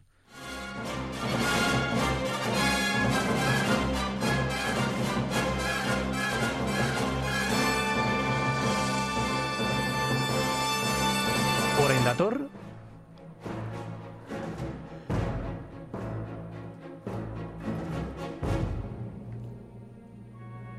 Bueno, ikusizun zati txiki hau, ez? Pram, pam, pam, pram, pam, pam, pram. Estrabizkiren eh, berdin berdina. Guazen zutera Harry Potter orain.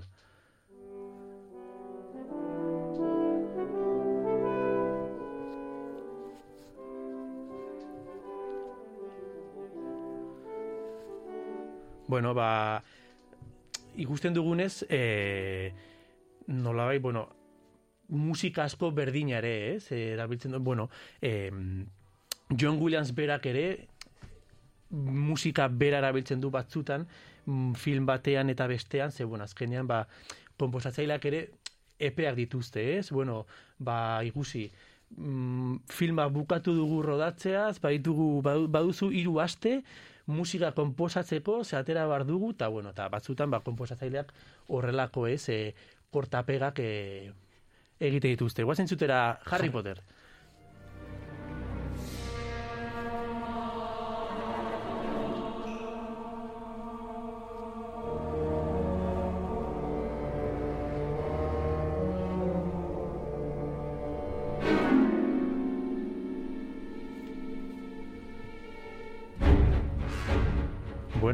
Zer dugu hemen?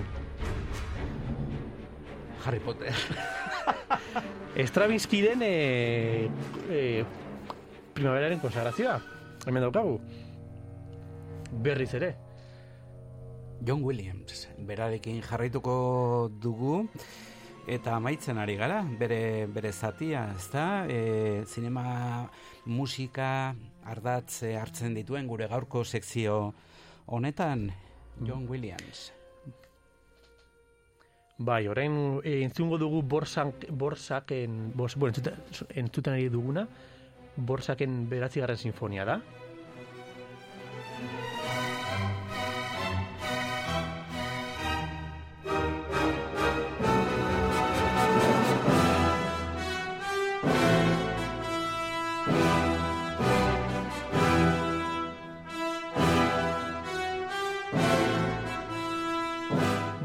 Ba, entzun dugu borsaken beratzigarren sinfonia.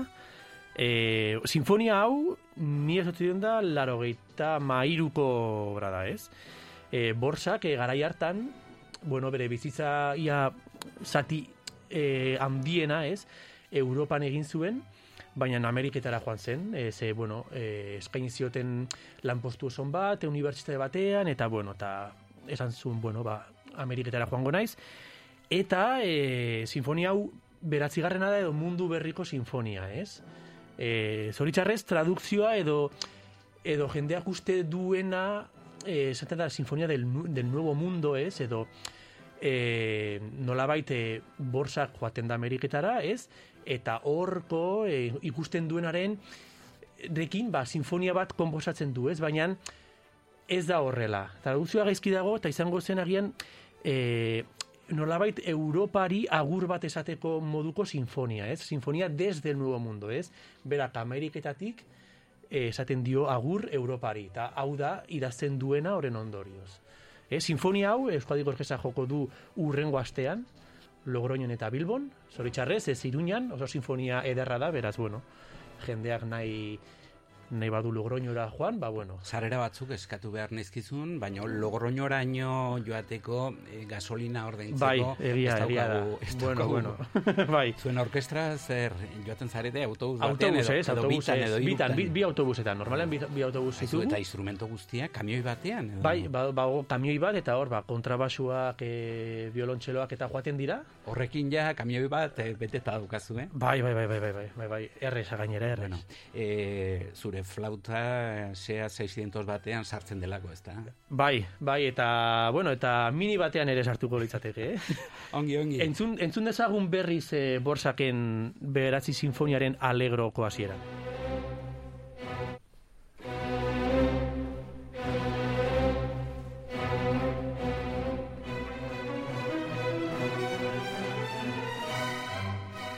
Eta, bueno, orain ez ditut esango ze filma entzun behar dugun, ze nik uste dut jartzen dugunen musika ezagutuko dezu.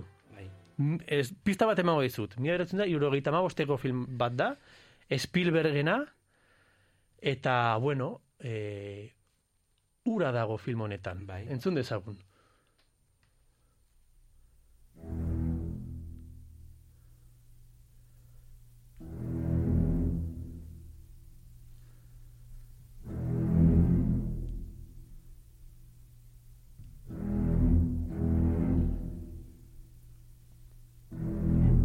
Ondartzara gerturatzen ari da.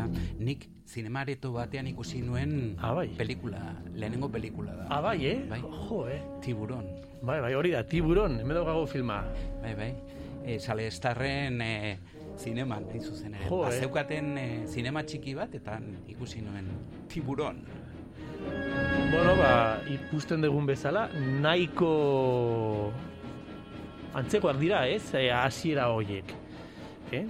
Beraz, oso antzekoa, berdina, esan Bai. genuke, ez da? Bai, bai, bai. Orain arte, eh, John Williams izan du protagonista, autoria horren inguruan ibili gara, eta beste izen propio bat. Bai, bueno, Ander? Bernard Herrmann. Bernard Herrmann ere Hollywooden eh, komposatzaile izugar, izugarrizko komposatzaile ona. Eta, bueno, Hitchcockekin harreman asko izan zuen, e, bueno, Vertigo, Psikosis, e, Hitchcocken filmetako musika egin, musika egin zuen.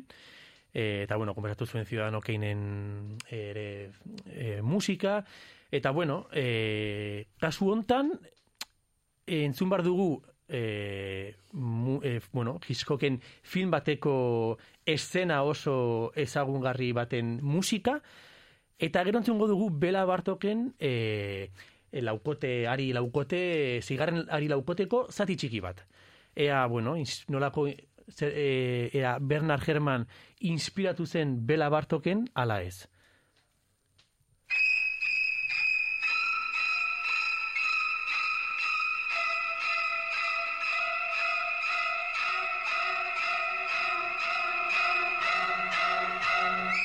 Bueno, Hortxe labanarekin, ez labanarekin, ez? E, dutxan, bueno, nork ez du ezagutzen Bai, bai.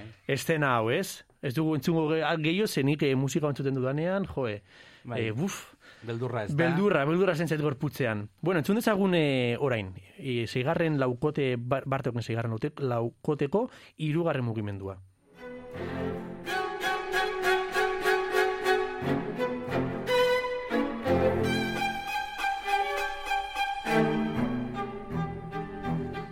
Igual, iguala, esango genuke, ez da? Bai, nahi, bai, nahiko antzekoa, nahiko antzekoa, eh? Agian Bernard Herrmann kontzertu batera joan zen, eh, laukote baten kontzertu batera, eta gero etxean zegoela inspirazioa hartu zuen, baina nondik.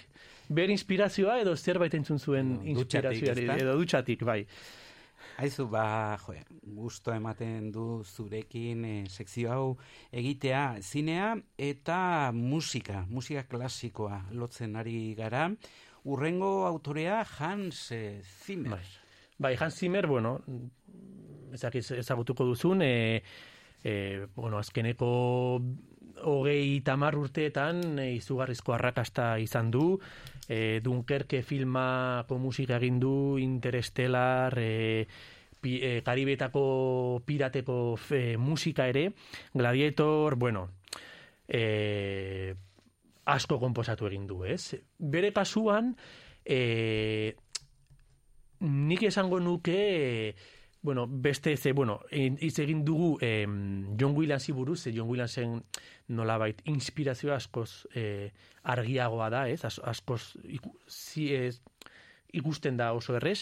Baina Hans Zimmerekin eh, bere musikan batzutan testurak edo be, besterik ez dira nabaritzen, ez? Nolabait inspirazioa agian e, badago, inte, bueno, ez, dugu, ez dute karri kasu honetan, baina interestelar mm, organo musika asko ezagit filma ikusi duzun, bueno, film oso da, bueno, e, organo musika eta musika nahiko minimalista da, eta Zaratrusta Straussen mm, e, obrarekin, bueno, antzeman asko daude, baina kasu honetan, bueno, entzun behar duguna, e, Gladiatorren e, zati bat, film, filmaren zati txiki bat, Eta gero, eh, Gustav, Gustav Holsten planeta. Gustav eh, Holstek eh, planetak idatzi zuen. Star Warsen ere bere musika asko ateratzen da. Eh, zera, eh, Spielberg eh, eskatu zion eh, Gustav Holsten, bueno, eh, eh, asko gustatzen zaion Spielberg eta eh, Hans eh, John Williamsi eh, Star Wars idatzi zuenean eskatu zion aizu. Jo, musika asko gustatzen zait, eh, idatzi ezakizu zerbaitola eh, nire filme Star Warsetako filma, filmari eta esaten, bai, bai, noski, noski, noski, bai, bueno. Eh, libertade gehiegi hartu zuen, ez? Eta, bueno, kasu hontan, eh, Hans Zimmerren inspirazioa entzungo dugu, ez? Gustav Holst planetak Marte planetari, Marte planetako eh, obraren zati txiki bat. What we do in life echoes in eternity. Hau da, gladiat, gladiatorren hasierako estena. Bai. Ez? Badaude hor Germaniarekin borrokatzen eta... Ezu Hans Zimmer, eh, Oskarretan ere eh, sariren bat eh, jaso du? Bai, bai, bai, bai, bai asko. E, bueno, azkeneko Oskarretan, e, Oskarra irabazi du, ezakit, e, zenbat nominazio, ba, irakurri nuen bai, John Williamsen berrogeita amabi nominazio Oscar, Oscarretara. Bueno. Eta Hans Zimmer ezakit, bai, bai, bizpairu Oscar, Oscar baditu jadanik, bai. Honekin fini edo zer entzutera goaz? Bueno, ba, Gu- Gustav Holsten Marte planetaren zatia mugimendua.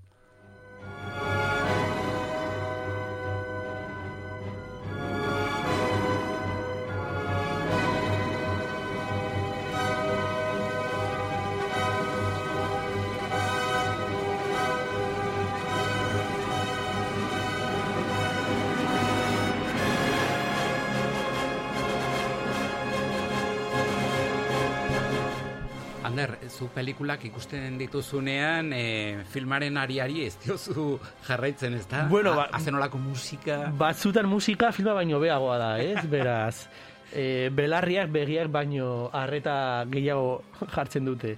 Baina, baina, bueno, e, azkenean e, oso interesgarria da, ze, bueno, musika popean ere horrelako gauzak aurkitu dezakegu, ez? Azkenean artista guztiak, e, margolariak edo literaturan, poesian, guztiok izan ditugu musikarietan, musikari edo interpretatzaileetan e, ekin ere, guztiok izan ditugu maisuak, ez? Edo ereduak gure bizitzan, beraz, horrelako bueno, imitazioak ez edo inspirazioak guztiak di, guztiok egin ditugu arte munduan, margolariak ere, bueno, literaturan ere ikusi dezakegu, filosofian berdina gertatzen da. Dena asmatuta dagoela Bai, mundu honetan, ez ho- da? Eta dena dela fotokopia, kopia...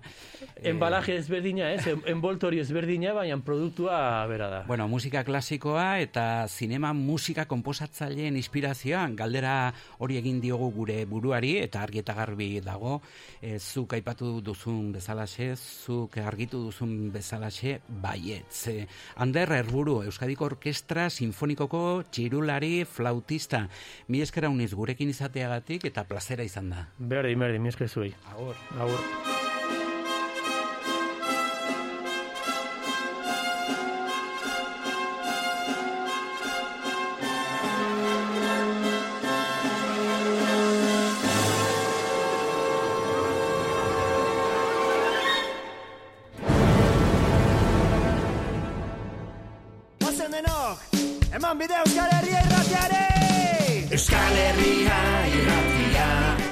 Inkestagile galdetzen badizute, esan ozenki, Euskal Herria irratia entzuten dut eta arronago. Egin dezazun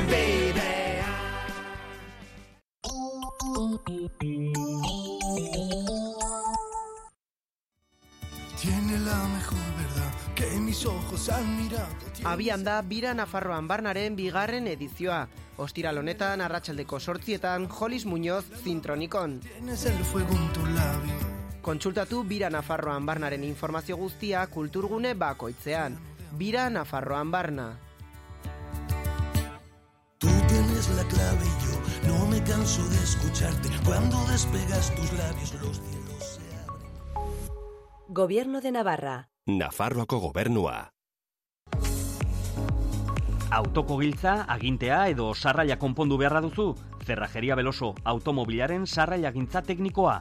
Autoko giltzekin duzun edo zein arazo konpondu dezakegu. Burlatan eta zerrajeriabeloso.es webgunean aurkituko gaituzu.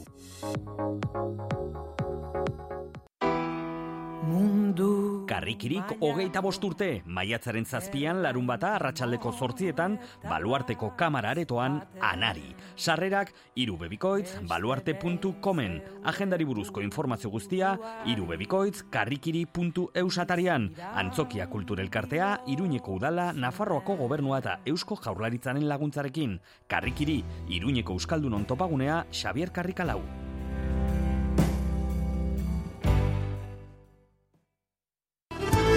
Erroibar eta eugirako bidean gautxori ostatu jatetxea. Bertako sukaldaritza eta tratu atsegina. Informazioa eta erreserbak bederatzi lau sortzi, iru zero lau zero zazpisei telefono zenbakian edota ostalgautxori.comen. Gautxori ostatu jatetxea zubirin gaude. Errigora, asmondiak eta oinak lurrean ditugu. Zatoz eta segi dezagun beste konsumo eta ekoizpen eredu bat gauzatzen. Auzolanean eta euskaraz. Nafarroa erdi eta hegoaldeko baratzetako produktuak Euskal Herriko plazetan ditugu berriro. Bete despensa urte osorako oliba olioa, kontserbak lekaleak, arroza, pasta. Informazioa eta eskaerak errigora.eus webgunean martxoaren hogeita marrera arte. Zure enpresa digitalki eraldatu behar baduzu telelanera edo lau puntu zero industriara egokitzeko Javiserren lagundu zaitzakego. Zure sistema informatikoa mantentzen dugu. Neurrira egindako aplikazioak eta web urriak garatzen ditugu. Lantaldeak prestatzen ditugu ikate tresnak eta aplikazioak erabiltzeko. Javiser, bederatzi lau zortzi, zortzi bost zero, bat lau bost. Zehaztu dezagun nola lagundu zaitzakegun.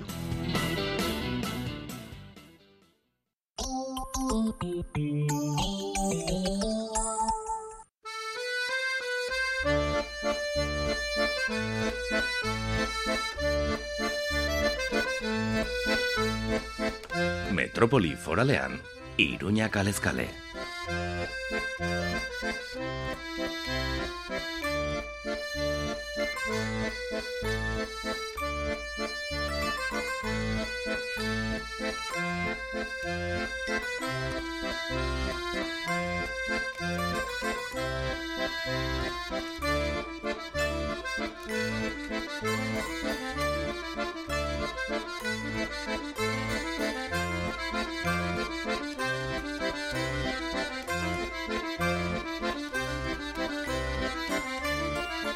Euskal Herria irratiaren sintonian jarraitzen duzu entzule eta estudio nagusi honetan mailaren bueltan lau egunkari ditu gara berria Diario de Noticias eta Diario de Navarra. Vicente Taberna, irigintza aditua, arkitektoa, Egunon?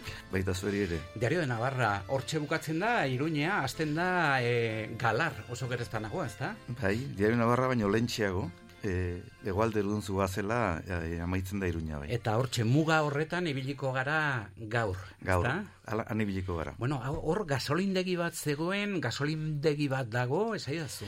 Hor, egin den bakarra da gasolindegi bat. E, azkeneko hitz egin behar dugun eremua da, e, Zaragoza etorbidetik e, beruntz goazela, eskuinaldera gelditzen den, azpilagainaren azpitik gelditzen den ere bat. Eta bere muga da e, denbora bateko variante oeste deitzen zenura. E, bere izen ofiziala Avenida de Navarra du Nafarroako etorbidea. Eta hor, alako eskalestrik bat egiten du, hori ere ja eremutik kanpo gelditzen zaigu. Baina tokia beresia da, mugengatik mm, ez, nolabait isolatu xamarra gelditzen delako, dituen azpigituren gatik, eta e, funtsezko edo zer egiteko alako segidak edo osotasun handixiagoak biharko lukelako toki horrek. Bueno, nondik nora, eskalestri horren azpian ibiliko gara. Beraz, galar, iruñea, e, Hor- azpilagainako azkeneko zatia. Hortxe. E, horrez aldira egiten festak eta horrelakoak azpilagainan. Egiten dira, bai, badago azpilagainan zatitxo bat oraindik eh, amaitu gabe gelditu dena.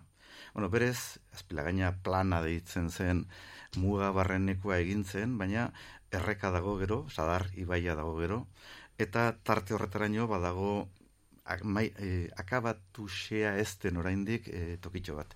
Bueno, eta hor zer egin, ezta? Proiektuak esan duzu, egon izan direla. Bai, Eta, bai e, iruñuko plana egintzenean, indarrean duen plana egintzenean, brutapen frankorako tokia izan zen. Argietzegoelako zer egin behartzen. Hain zuzen isolamendu horrengatik, azpiegiturengatik eta bar. Argi zegoena zen azpiegiture, azpiegitura hoietara e, aietu zela iria. E, azpiegitura horiek dira iritik kanpoko e, moduan eginak edo, hau da, azpiegitura nagusi, bertzeri, bertzeri begiratu gabe eginak. Eta horretara llegatzean, e, indarrean dagoen planak argi erakusten zuenez hori bertzen modu batera planteatu behar da, baina moda izan zen orduan, hain dela hogeita piko urte moda, edo sona handia izan zuen, batez ere Madrilen bazen eskalestri famatu bat, z, e, jende frankok bere buruan dik bera botatzen zuelako, eta olako kontuengatik, eta kendu egin zuten, bota egin zuten, eta hau baino handiagoa, indartsuagoa, eta boteretsuagoa zen, baina argi zen iriarentzat iriko e, azpiegitura etzela. Beraz, azpilagaina bukaerako zati horretan e, zer egin, ezta? Merkatalgune bat, etxe bizitzak, proiektu zenbait ere izan direlako. Bai, e, eta hori eremuaren arabera.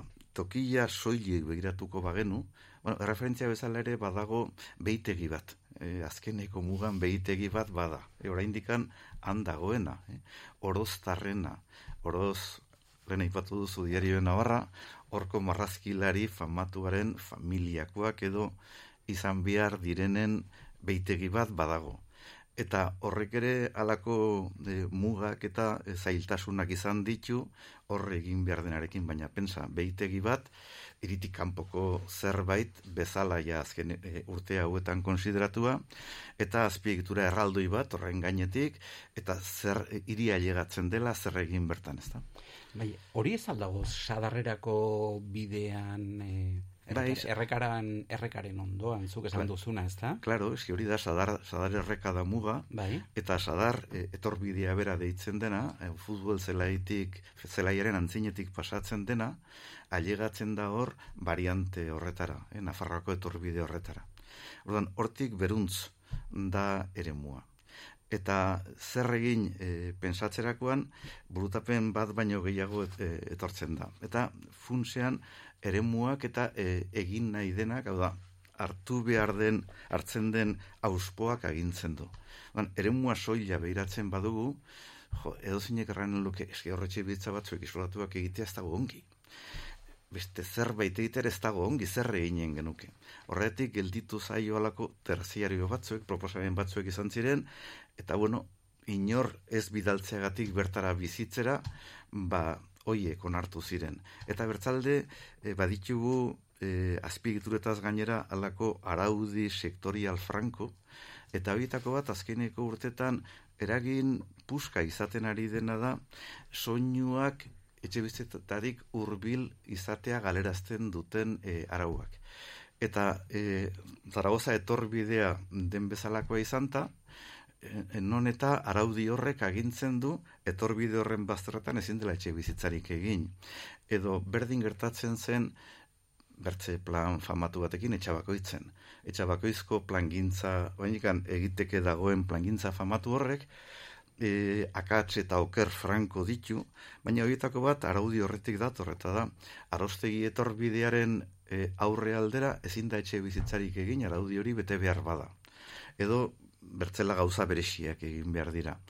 E, inondikan ere burugabikeria, hau da, iriko etorbideetan etxe bizitzarik e, egin ezin izana, ez da, neurrikoa. Orduan, e, ikuspen, ikuspegi sektorialak eta orokorrak talka egiten dute kasu honetan bezala. Beraz, e, etxe bizitza berriak ez egitea, zahar berritzea izan daiteke... Ez ez dago lehendik. Beste alternatiba bat, ez dago lehendik... Ez da, ez da, lehendik ez dago apenas ezer. Behitegi hori dago, egin beharko litzatekena edozi modutan da e, bertze kontu bat da azpiegiturei mm, buelta bat ematea eta haiek gauzatzea. Orduan, lehen eremu kontuekin ari ginen, eremu soila baldin bada, zaila da, zerbait planteatzea, horretan gaude orain. E, indarrean dagoen planak, agintzen zuen, bueno, kendu dezagun eskalestrik hori, berregin dezagun e, azpiegitura nagusi hori, jarri dezagun Zaragoza etorbidearekiko paralelo, baina lurrean, bertzerik gabe, eta hor, saretxo baten moduko zerbait antolatu dezagun. Hori da, indarrean dagoen planak proposatzen duena. Baina orduan, e, iruñeko mugetatik kanpo, galarreko mugetan dauden lurretan ere lan egin beharko genuke. Eta orduan, indarrean dagoen iruñeko planak agintzen zuen edo zer gauza egin baino lehen, bateratu egin behar dira galarren eta iruñean e, egin nahi diren proposamenak. Azenolako korapiloa dagoen hor, ezta? Claro. E, bueno, karretera horretan ere korapiloa dagoela. Horixe da kontua. Bueno, galarren zati bat, eta bestea iruñean, erdian erreka bat, bueno, Bai. ez da erresa, eh? Ez da erresa ez. Bueno, errekarena moldatu zen, ze errekekin e, ja, planor, planak agintzen zuen ze bide hartu. Eta erreka bazterreko parke egina dago, ja da egina dago. Galarrekin zailago izan zen. Galarrek ez zuen dius jakin nahi hartaz. E, galarren gertatzen da herri txiki xamarrak direla, eta gehiago behiratzen dietela herri bakoitzari. Eta orduan, hor duten hori da bazterreko zerbait, iruñarekin mugatan baldin badago, bere zaborrak e, kako txartean ara botatzen dituzte. Tailerra berretxugula, han. Babes ofizialeko etxe bizitza berretxugula, han. Ta, guk erratzen genien, aizue, egin dezagun zerbait duina, ez bota ona zakarrak, etzen adostasunik izan. Udal arkitektoa, arkitekto oia esan beharko dugu inoiz erretiratzen ez den gizona irigintza aditua zure azkeneko iritzia zer egin hor e, Bueno, bi hitzetan Bueno, gaur egun eta e, arauak galerazi didazu, debekatu didazu historia kontatzea, beraz ez dut kontatuko, baina izan den historia, ondoan badago bertze gauza poteretsu bat, hori bai aipatuko dut, eta da, e, Kordobilatik toki horretaraino, magal horretan, eta goian, planteatuak daude lau mila, bos mila etxe bizitza. Hau da, iruñeko bertze auzo bat. Orduan, lehen eremuak ari nintzen ikusten, eremu soila beratzen badugu, egin dena eta gutxi gehiago seguraski. Zaila da bertzerik planteatzea. E, galarrekin zerbait planteatu ziteken. Baina, e, han jarri dituzte tailerrak eta horrek zailtzen du egin beharko litzatekena. Osotasun lau mila, bos mila etxe bizitza hoietako osotasunaren parte bal, e, balitz bertze zerbait, pensatu daiteke. Baina, zalantzan jarri beharko nuke lehenbiziko egin behar galdira hor lau mila, bos mila etxe bizitza, hori ere zalantzan jartzekoa da. Ze, galarrek azkeneko honen aurreko lehintzaldian ere, galarrek, raten zuen ez ez, kordobilan inguruan, gehienaz ere mila bat etxe bizitza edo ginen ditugu, gau milatik bos milara bada aldea. bueno, azkene, azkenean mostro bat eginen dute seguru ez da Bueno, berpisten ari da. Eta berpiste horrek zerrikusia du, berriz ere hasi dira, bertze hitz batzuek erratzen, ezke ez da tokirik etxe bizitza berriak egiteko eta behar ditugu. Eta hori dago lehen bizikua zerrandan. oso ongi ba Vicente Taberna mi esker gaur ere eta nahi duzun arte ongi izan Zure negozioari bultzada eman nahi diozu? Ekitaldi baterako deia zabaldu nahi duzu?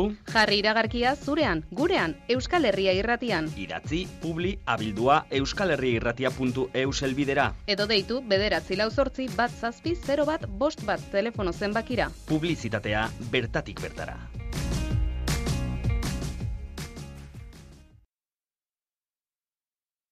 Itzekin,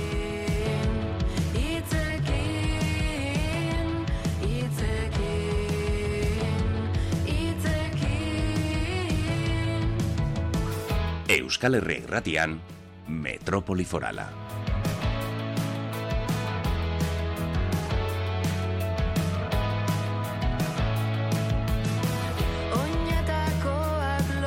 Inigo Astizek idatzitako joemak eta polasak olerki liburua oinarri hartuta gai jakin baten inguruan jai jakin bati buruz solasten gara Idoia Sobrino liburu zainarekin amabostean behin egunon Idoia Egunon Bueno, beti abesti bat eta poema bat ekartzen dituzu Hori da. Eh, hitz egiten hasi aurretik zer da entzuten ari garena?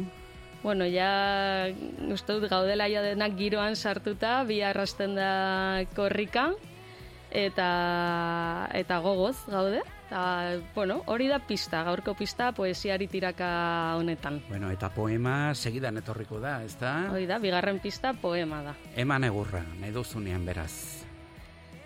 Puskak, ispipilu bat apurtu zitzatzaidan popoema honetan atzotzo. Eta puskakak ezin bilbildu nabil orduz duztik. Mumu musika gogo gora.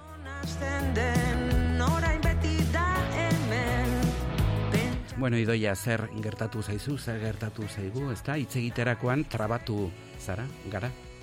Trabatu naiz eta trabatu gara. E, ispiluak silaba batzuk isladatu eta bitan agertu direlako poeman zehar, baino hala ere badut uste problemi gabe ulertu nauzula, ez peio? Noski, ulertu zaitut, e, badu horrek e, gaurko poesiari tiraka honetara ekarriko duzun gaiarekin zerikusirik, e, konta idazu. Bai, beti bezala poema beti da pista bat, e, gaia zein izango den e, jakiteko, ez, poesiari tiraka honetan, eta gaur e, preziski solaskera diferentei buru zaituko gara. Demostratzeko hizkuntzek pertsonen artean e, komunikatzeko bale dutela, ez? Eta naiz eta momentu batean pasatzen alzaikun, hasiera batean ez dugula ulertzen, erraten nahi dakutena, e, ba, seguro atentzio pitet eta gogo haunitz, fatute parekoak edozein modutara solastuta ere ulertzen aldiogula, edo guri ulertzen algaituztela, ez? Gu baldin bagara raro, solastan garen hoiek. Itz totelak e, direnen kasuan, adibidez. Bueno, adibidez, bai, e, hitz totela pitxeit gehiago tardatzen dute erran behar dutena erraten, eta gainera e, batzuten pasatzen zaiku badakigula zerraran behar duten, ez? E, beraiek hitza bukatu aintzin. Baina hoixen, e, itxoin, e, beraiek ere badakite solasean, eta guk ulertzen dugu bere solaskeran, naiz eta motelago hitz egin, eta hoixen, pazientzia eta, eta errespetu, ez? Azken finean, komunikazio efektiboa baldin bada, eta izanen da, e, ba, helburua lortua egonen da, eta, eta jazta, osea, helburua ez da, erran behar duguna alik eta segundu gutienean erratea da erratea bera. Hor, gertatzen zaie zenbaiti, ez da, hitz totelak ez dakit, baino hitz bat e, segidan, behin eta berriro esaten dutela. Idoia, idoia, idoia, idoia, zer de. Bai, ez? batzutan ere bai. Horlakoak ez dakit gertatzen diren, e, bueno, nik behintzat e, horri erreparatzen diot, ez da? Bueno, zu Bai. zinen txikitan jolastu P letra silaba bakoitzaren e, artean tenkatzeraino. No, poskipi. Opolapa ipibiltzen gipinepen lapagupunekin. Orain ez nauzu lertu ez? Eh, poski, poskitos, eh, pastelitos. bueno, erran dut, noski hola ibiltzen ginen launekin. Eta ez nauzu lertu desentrenatu ez daudelako. Bueno, Baina poliki solastut eta behin trukila hartu e, segiden ulertuko bueno, zinatu zen. agian eliztondoko plazan eh, jokatzen zen- zenuten horrela, ez da? Bueno, haistien erran duten bezala, atentzio pilet eta gogo hau nitz patzen badiozu, ulertuko zinuke. Oso ongi, aizu, eta horregatik ekarri duzu gaur korrikaren abestia, pensatzen dut. Ba, bai, e, bi arrasiko delako korrika, amurrion, errandugun bezala, eta meka egunetan e, Euskal Herriti guzitik ibiliko da, apirelen ere amarrean donostira llegatu arte. Eta zein da urtengo lema? Ba, hoixen, hitzekin, hitz jokoa, ez? Poemak eta, joemak eta polasaken ibiltzen ditugunak bezalakoak, hitz eta ekin juntatuka, juntatuta hitzekin sortzen delako. Itzekin. Aizu, eta aipatzen ginun hori erran nahi du, ezta? Hitzekin, ekin behar dugula, hain zuzen ere. Hoixen, e, ni Kataluniara, Katalunian bizi nintzenean, e, behin baino gehiagotan kontatu dut hemen, e, han ibili nintzela, da generalitateak ere izan zuen kanpaina bat martxan, e, toki guztietan kusten zena, ez? Irratietan haitu, telebistetan kusi, e, bueno, e, edozein tokitan, eta ditzen zen e, dona kordal katala. E, euskeraz eman giltza katalanari edo eragin katalanari, ez? E, erran nahi duena. Eta, bueno, bazuten alako jostailu bat, hau saltarin hoietako bat, e, keta deitzen zena, eta ari giltza eman edo korda ematen bazenion eta laxe utzi, ba, ura hasten zen hola taka taka taka taka, hasten zen solasen, ez, gelitu gabe. Eta horrek irudikatu nahi zuena justuki zen hoi, ez, e, hitzekin ekin behar diogula, ez, hitz eta ekin e, eta aurrera ulertu nahi bagaituzte, ulertuko gaituztela, eta ulertu nahi ez duenarekin, ba, lanketa hori egin beharko dela, ez? Atentzio pitet eta gogo haunitz kontzeptu horri buelta bat emanez, eta pazientziakin, baino, isildu gabe, ez? E, ekin, ekin isildu gabe. Katalana ikasi zenuen, e, Barcelonan egin egon zinen. Bai, bai, bai, karrera katalan ez egin nuen. Ah, bai? Bai, Eta zer ikasi zenuen, filologia edo? bibliotekonomia eta dokumentazioa. Ah, bai, Liburu eh? zain Beraz, izateko karrera. primeran dakizu, ezta? Bai, bai, bai. Erresa, zaila, arraro egiten zeitzaizun, Bueno, nik uste gogoa jartzen badiozu, orain erraten nahi garen hau, e, pazientzia eta gogoa edo zein hizkuntza ikasteko gai garela, ez? Aizu, eta liburu zain izateko, e, ez dakit, ikasketa horiek luzeak dira, zailak dira, zer ikasten da bereziki? Bueno, lehenago zen diplomatura bat, eta orain da gradu bat, orain denak dira graduak, eta izena pixketera aldatu diote, lehenago zen do, e, bibliotekonomia eta dokumentazioa, eta gaur egun da informazioa eta dokumentazioa. Eta nik uste egokiago dela e, izen hori, azken finean, e, liburutegietan kudeatzen duguna delako hori batez ere informazioa. E, Europan, e, edo, bueno, nik Erasmusain nuenean, e, beiretu nuen bertze unibertsitatetan inglesaz nola deitzen zieten, ikasketa hoiei, eta deitzen zieten informa, information science, osea, inf, ez, em, informazioaren zientziak. Eta uste dut hortik daiela gehiago kontzeptua, ez hainbeste hemen haunitzetan lotzen den irakurketarekin eta liburuekin, baizik eta informazioaren kudeaketarekin. Horrelakorik ez dago gurean, ez da? E, Euskal kan- kanpora Herrian ez. behar duzu. Bai, Euskal Herrian ez dago, eta hortaz, bai, atzerrira gamarra zara beti. Bai, eta Kataluniara joateko aukera zargatik egin zenuen. Ba, preziski horrengatik, e, bertze hizkuntza bat ere ikasiko nuelako. E, Espainiara joaten nintzen, karrera ikasi bai, baina gaztelania ere banekien, eta Kataluniara ganta, karrera, eta hizkuntza bat gehiago ikasiko nituelako. Hor, hoi izan zen ere aukera. Bueno, kilometro asko egin zenituen beraz, aizu kilometro batzuk e, berriz ere gurera etorrita, korrika eginen dituzu, gelditu gabe, zein da zure asmoa? Bueno, e, furgonetan xildu gabe igual ingo nituen kilometro batzu. E, korrika, bueno, bat seguro, eta bi saiatuko naizen ere ritman, kapaza naiz, korrikaiteko hainbat kilometro. Batez, Baino... batez ere maldan bera, ez da? Ez, eta maldan goiti pixket ere bai, eh? baino nere ritmoan. Korrikaren furgonetaren ritmoa, ba, kusi behar zenbat kilometro iten altuzten. Bueno, aprilaren amarrean donostian zita. Hoixen, bai, bai, guri bastanen tokatzen zaiku pixket fitiago, goizeko seietan. Ah, bai, oso goiz, ez da? Bai, bai, bai, bueno, hortxe egonen gara. Bueno. Espero dugu eurik ezitea, bastanen. Gau pasa egin, ez da? Hori izan daiteke beste aukera bat. Gau pasa eta gero hainbat kilometro, ez dakit. Bueno, ez dakit, e, dopinarik, e, frogarik ez dute egiten, beraz, e, lasai zaitezke. bueno, e, ba, mile esker, gaur ere ona etortzeagatik, eta eta hemen ere ekiteagatik, mi mila, esker, er, zu, zuri. Mimi, eskertzuri. Oso ongi, ba, nahi duzun arte, aurki gurekin izanen zarelakoan gaude, aio. Aio. Etxe autosaltokia edo zein da egokia sintonizatu ta dientzun Euskal Herria irratia Euskal Herria irratia.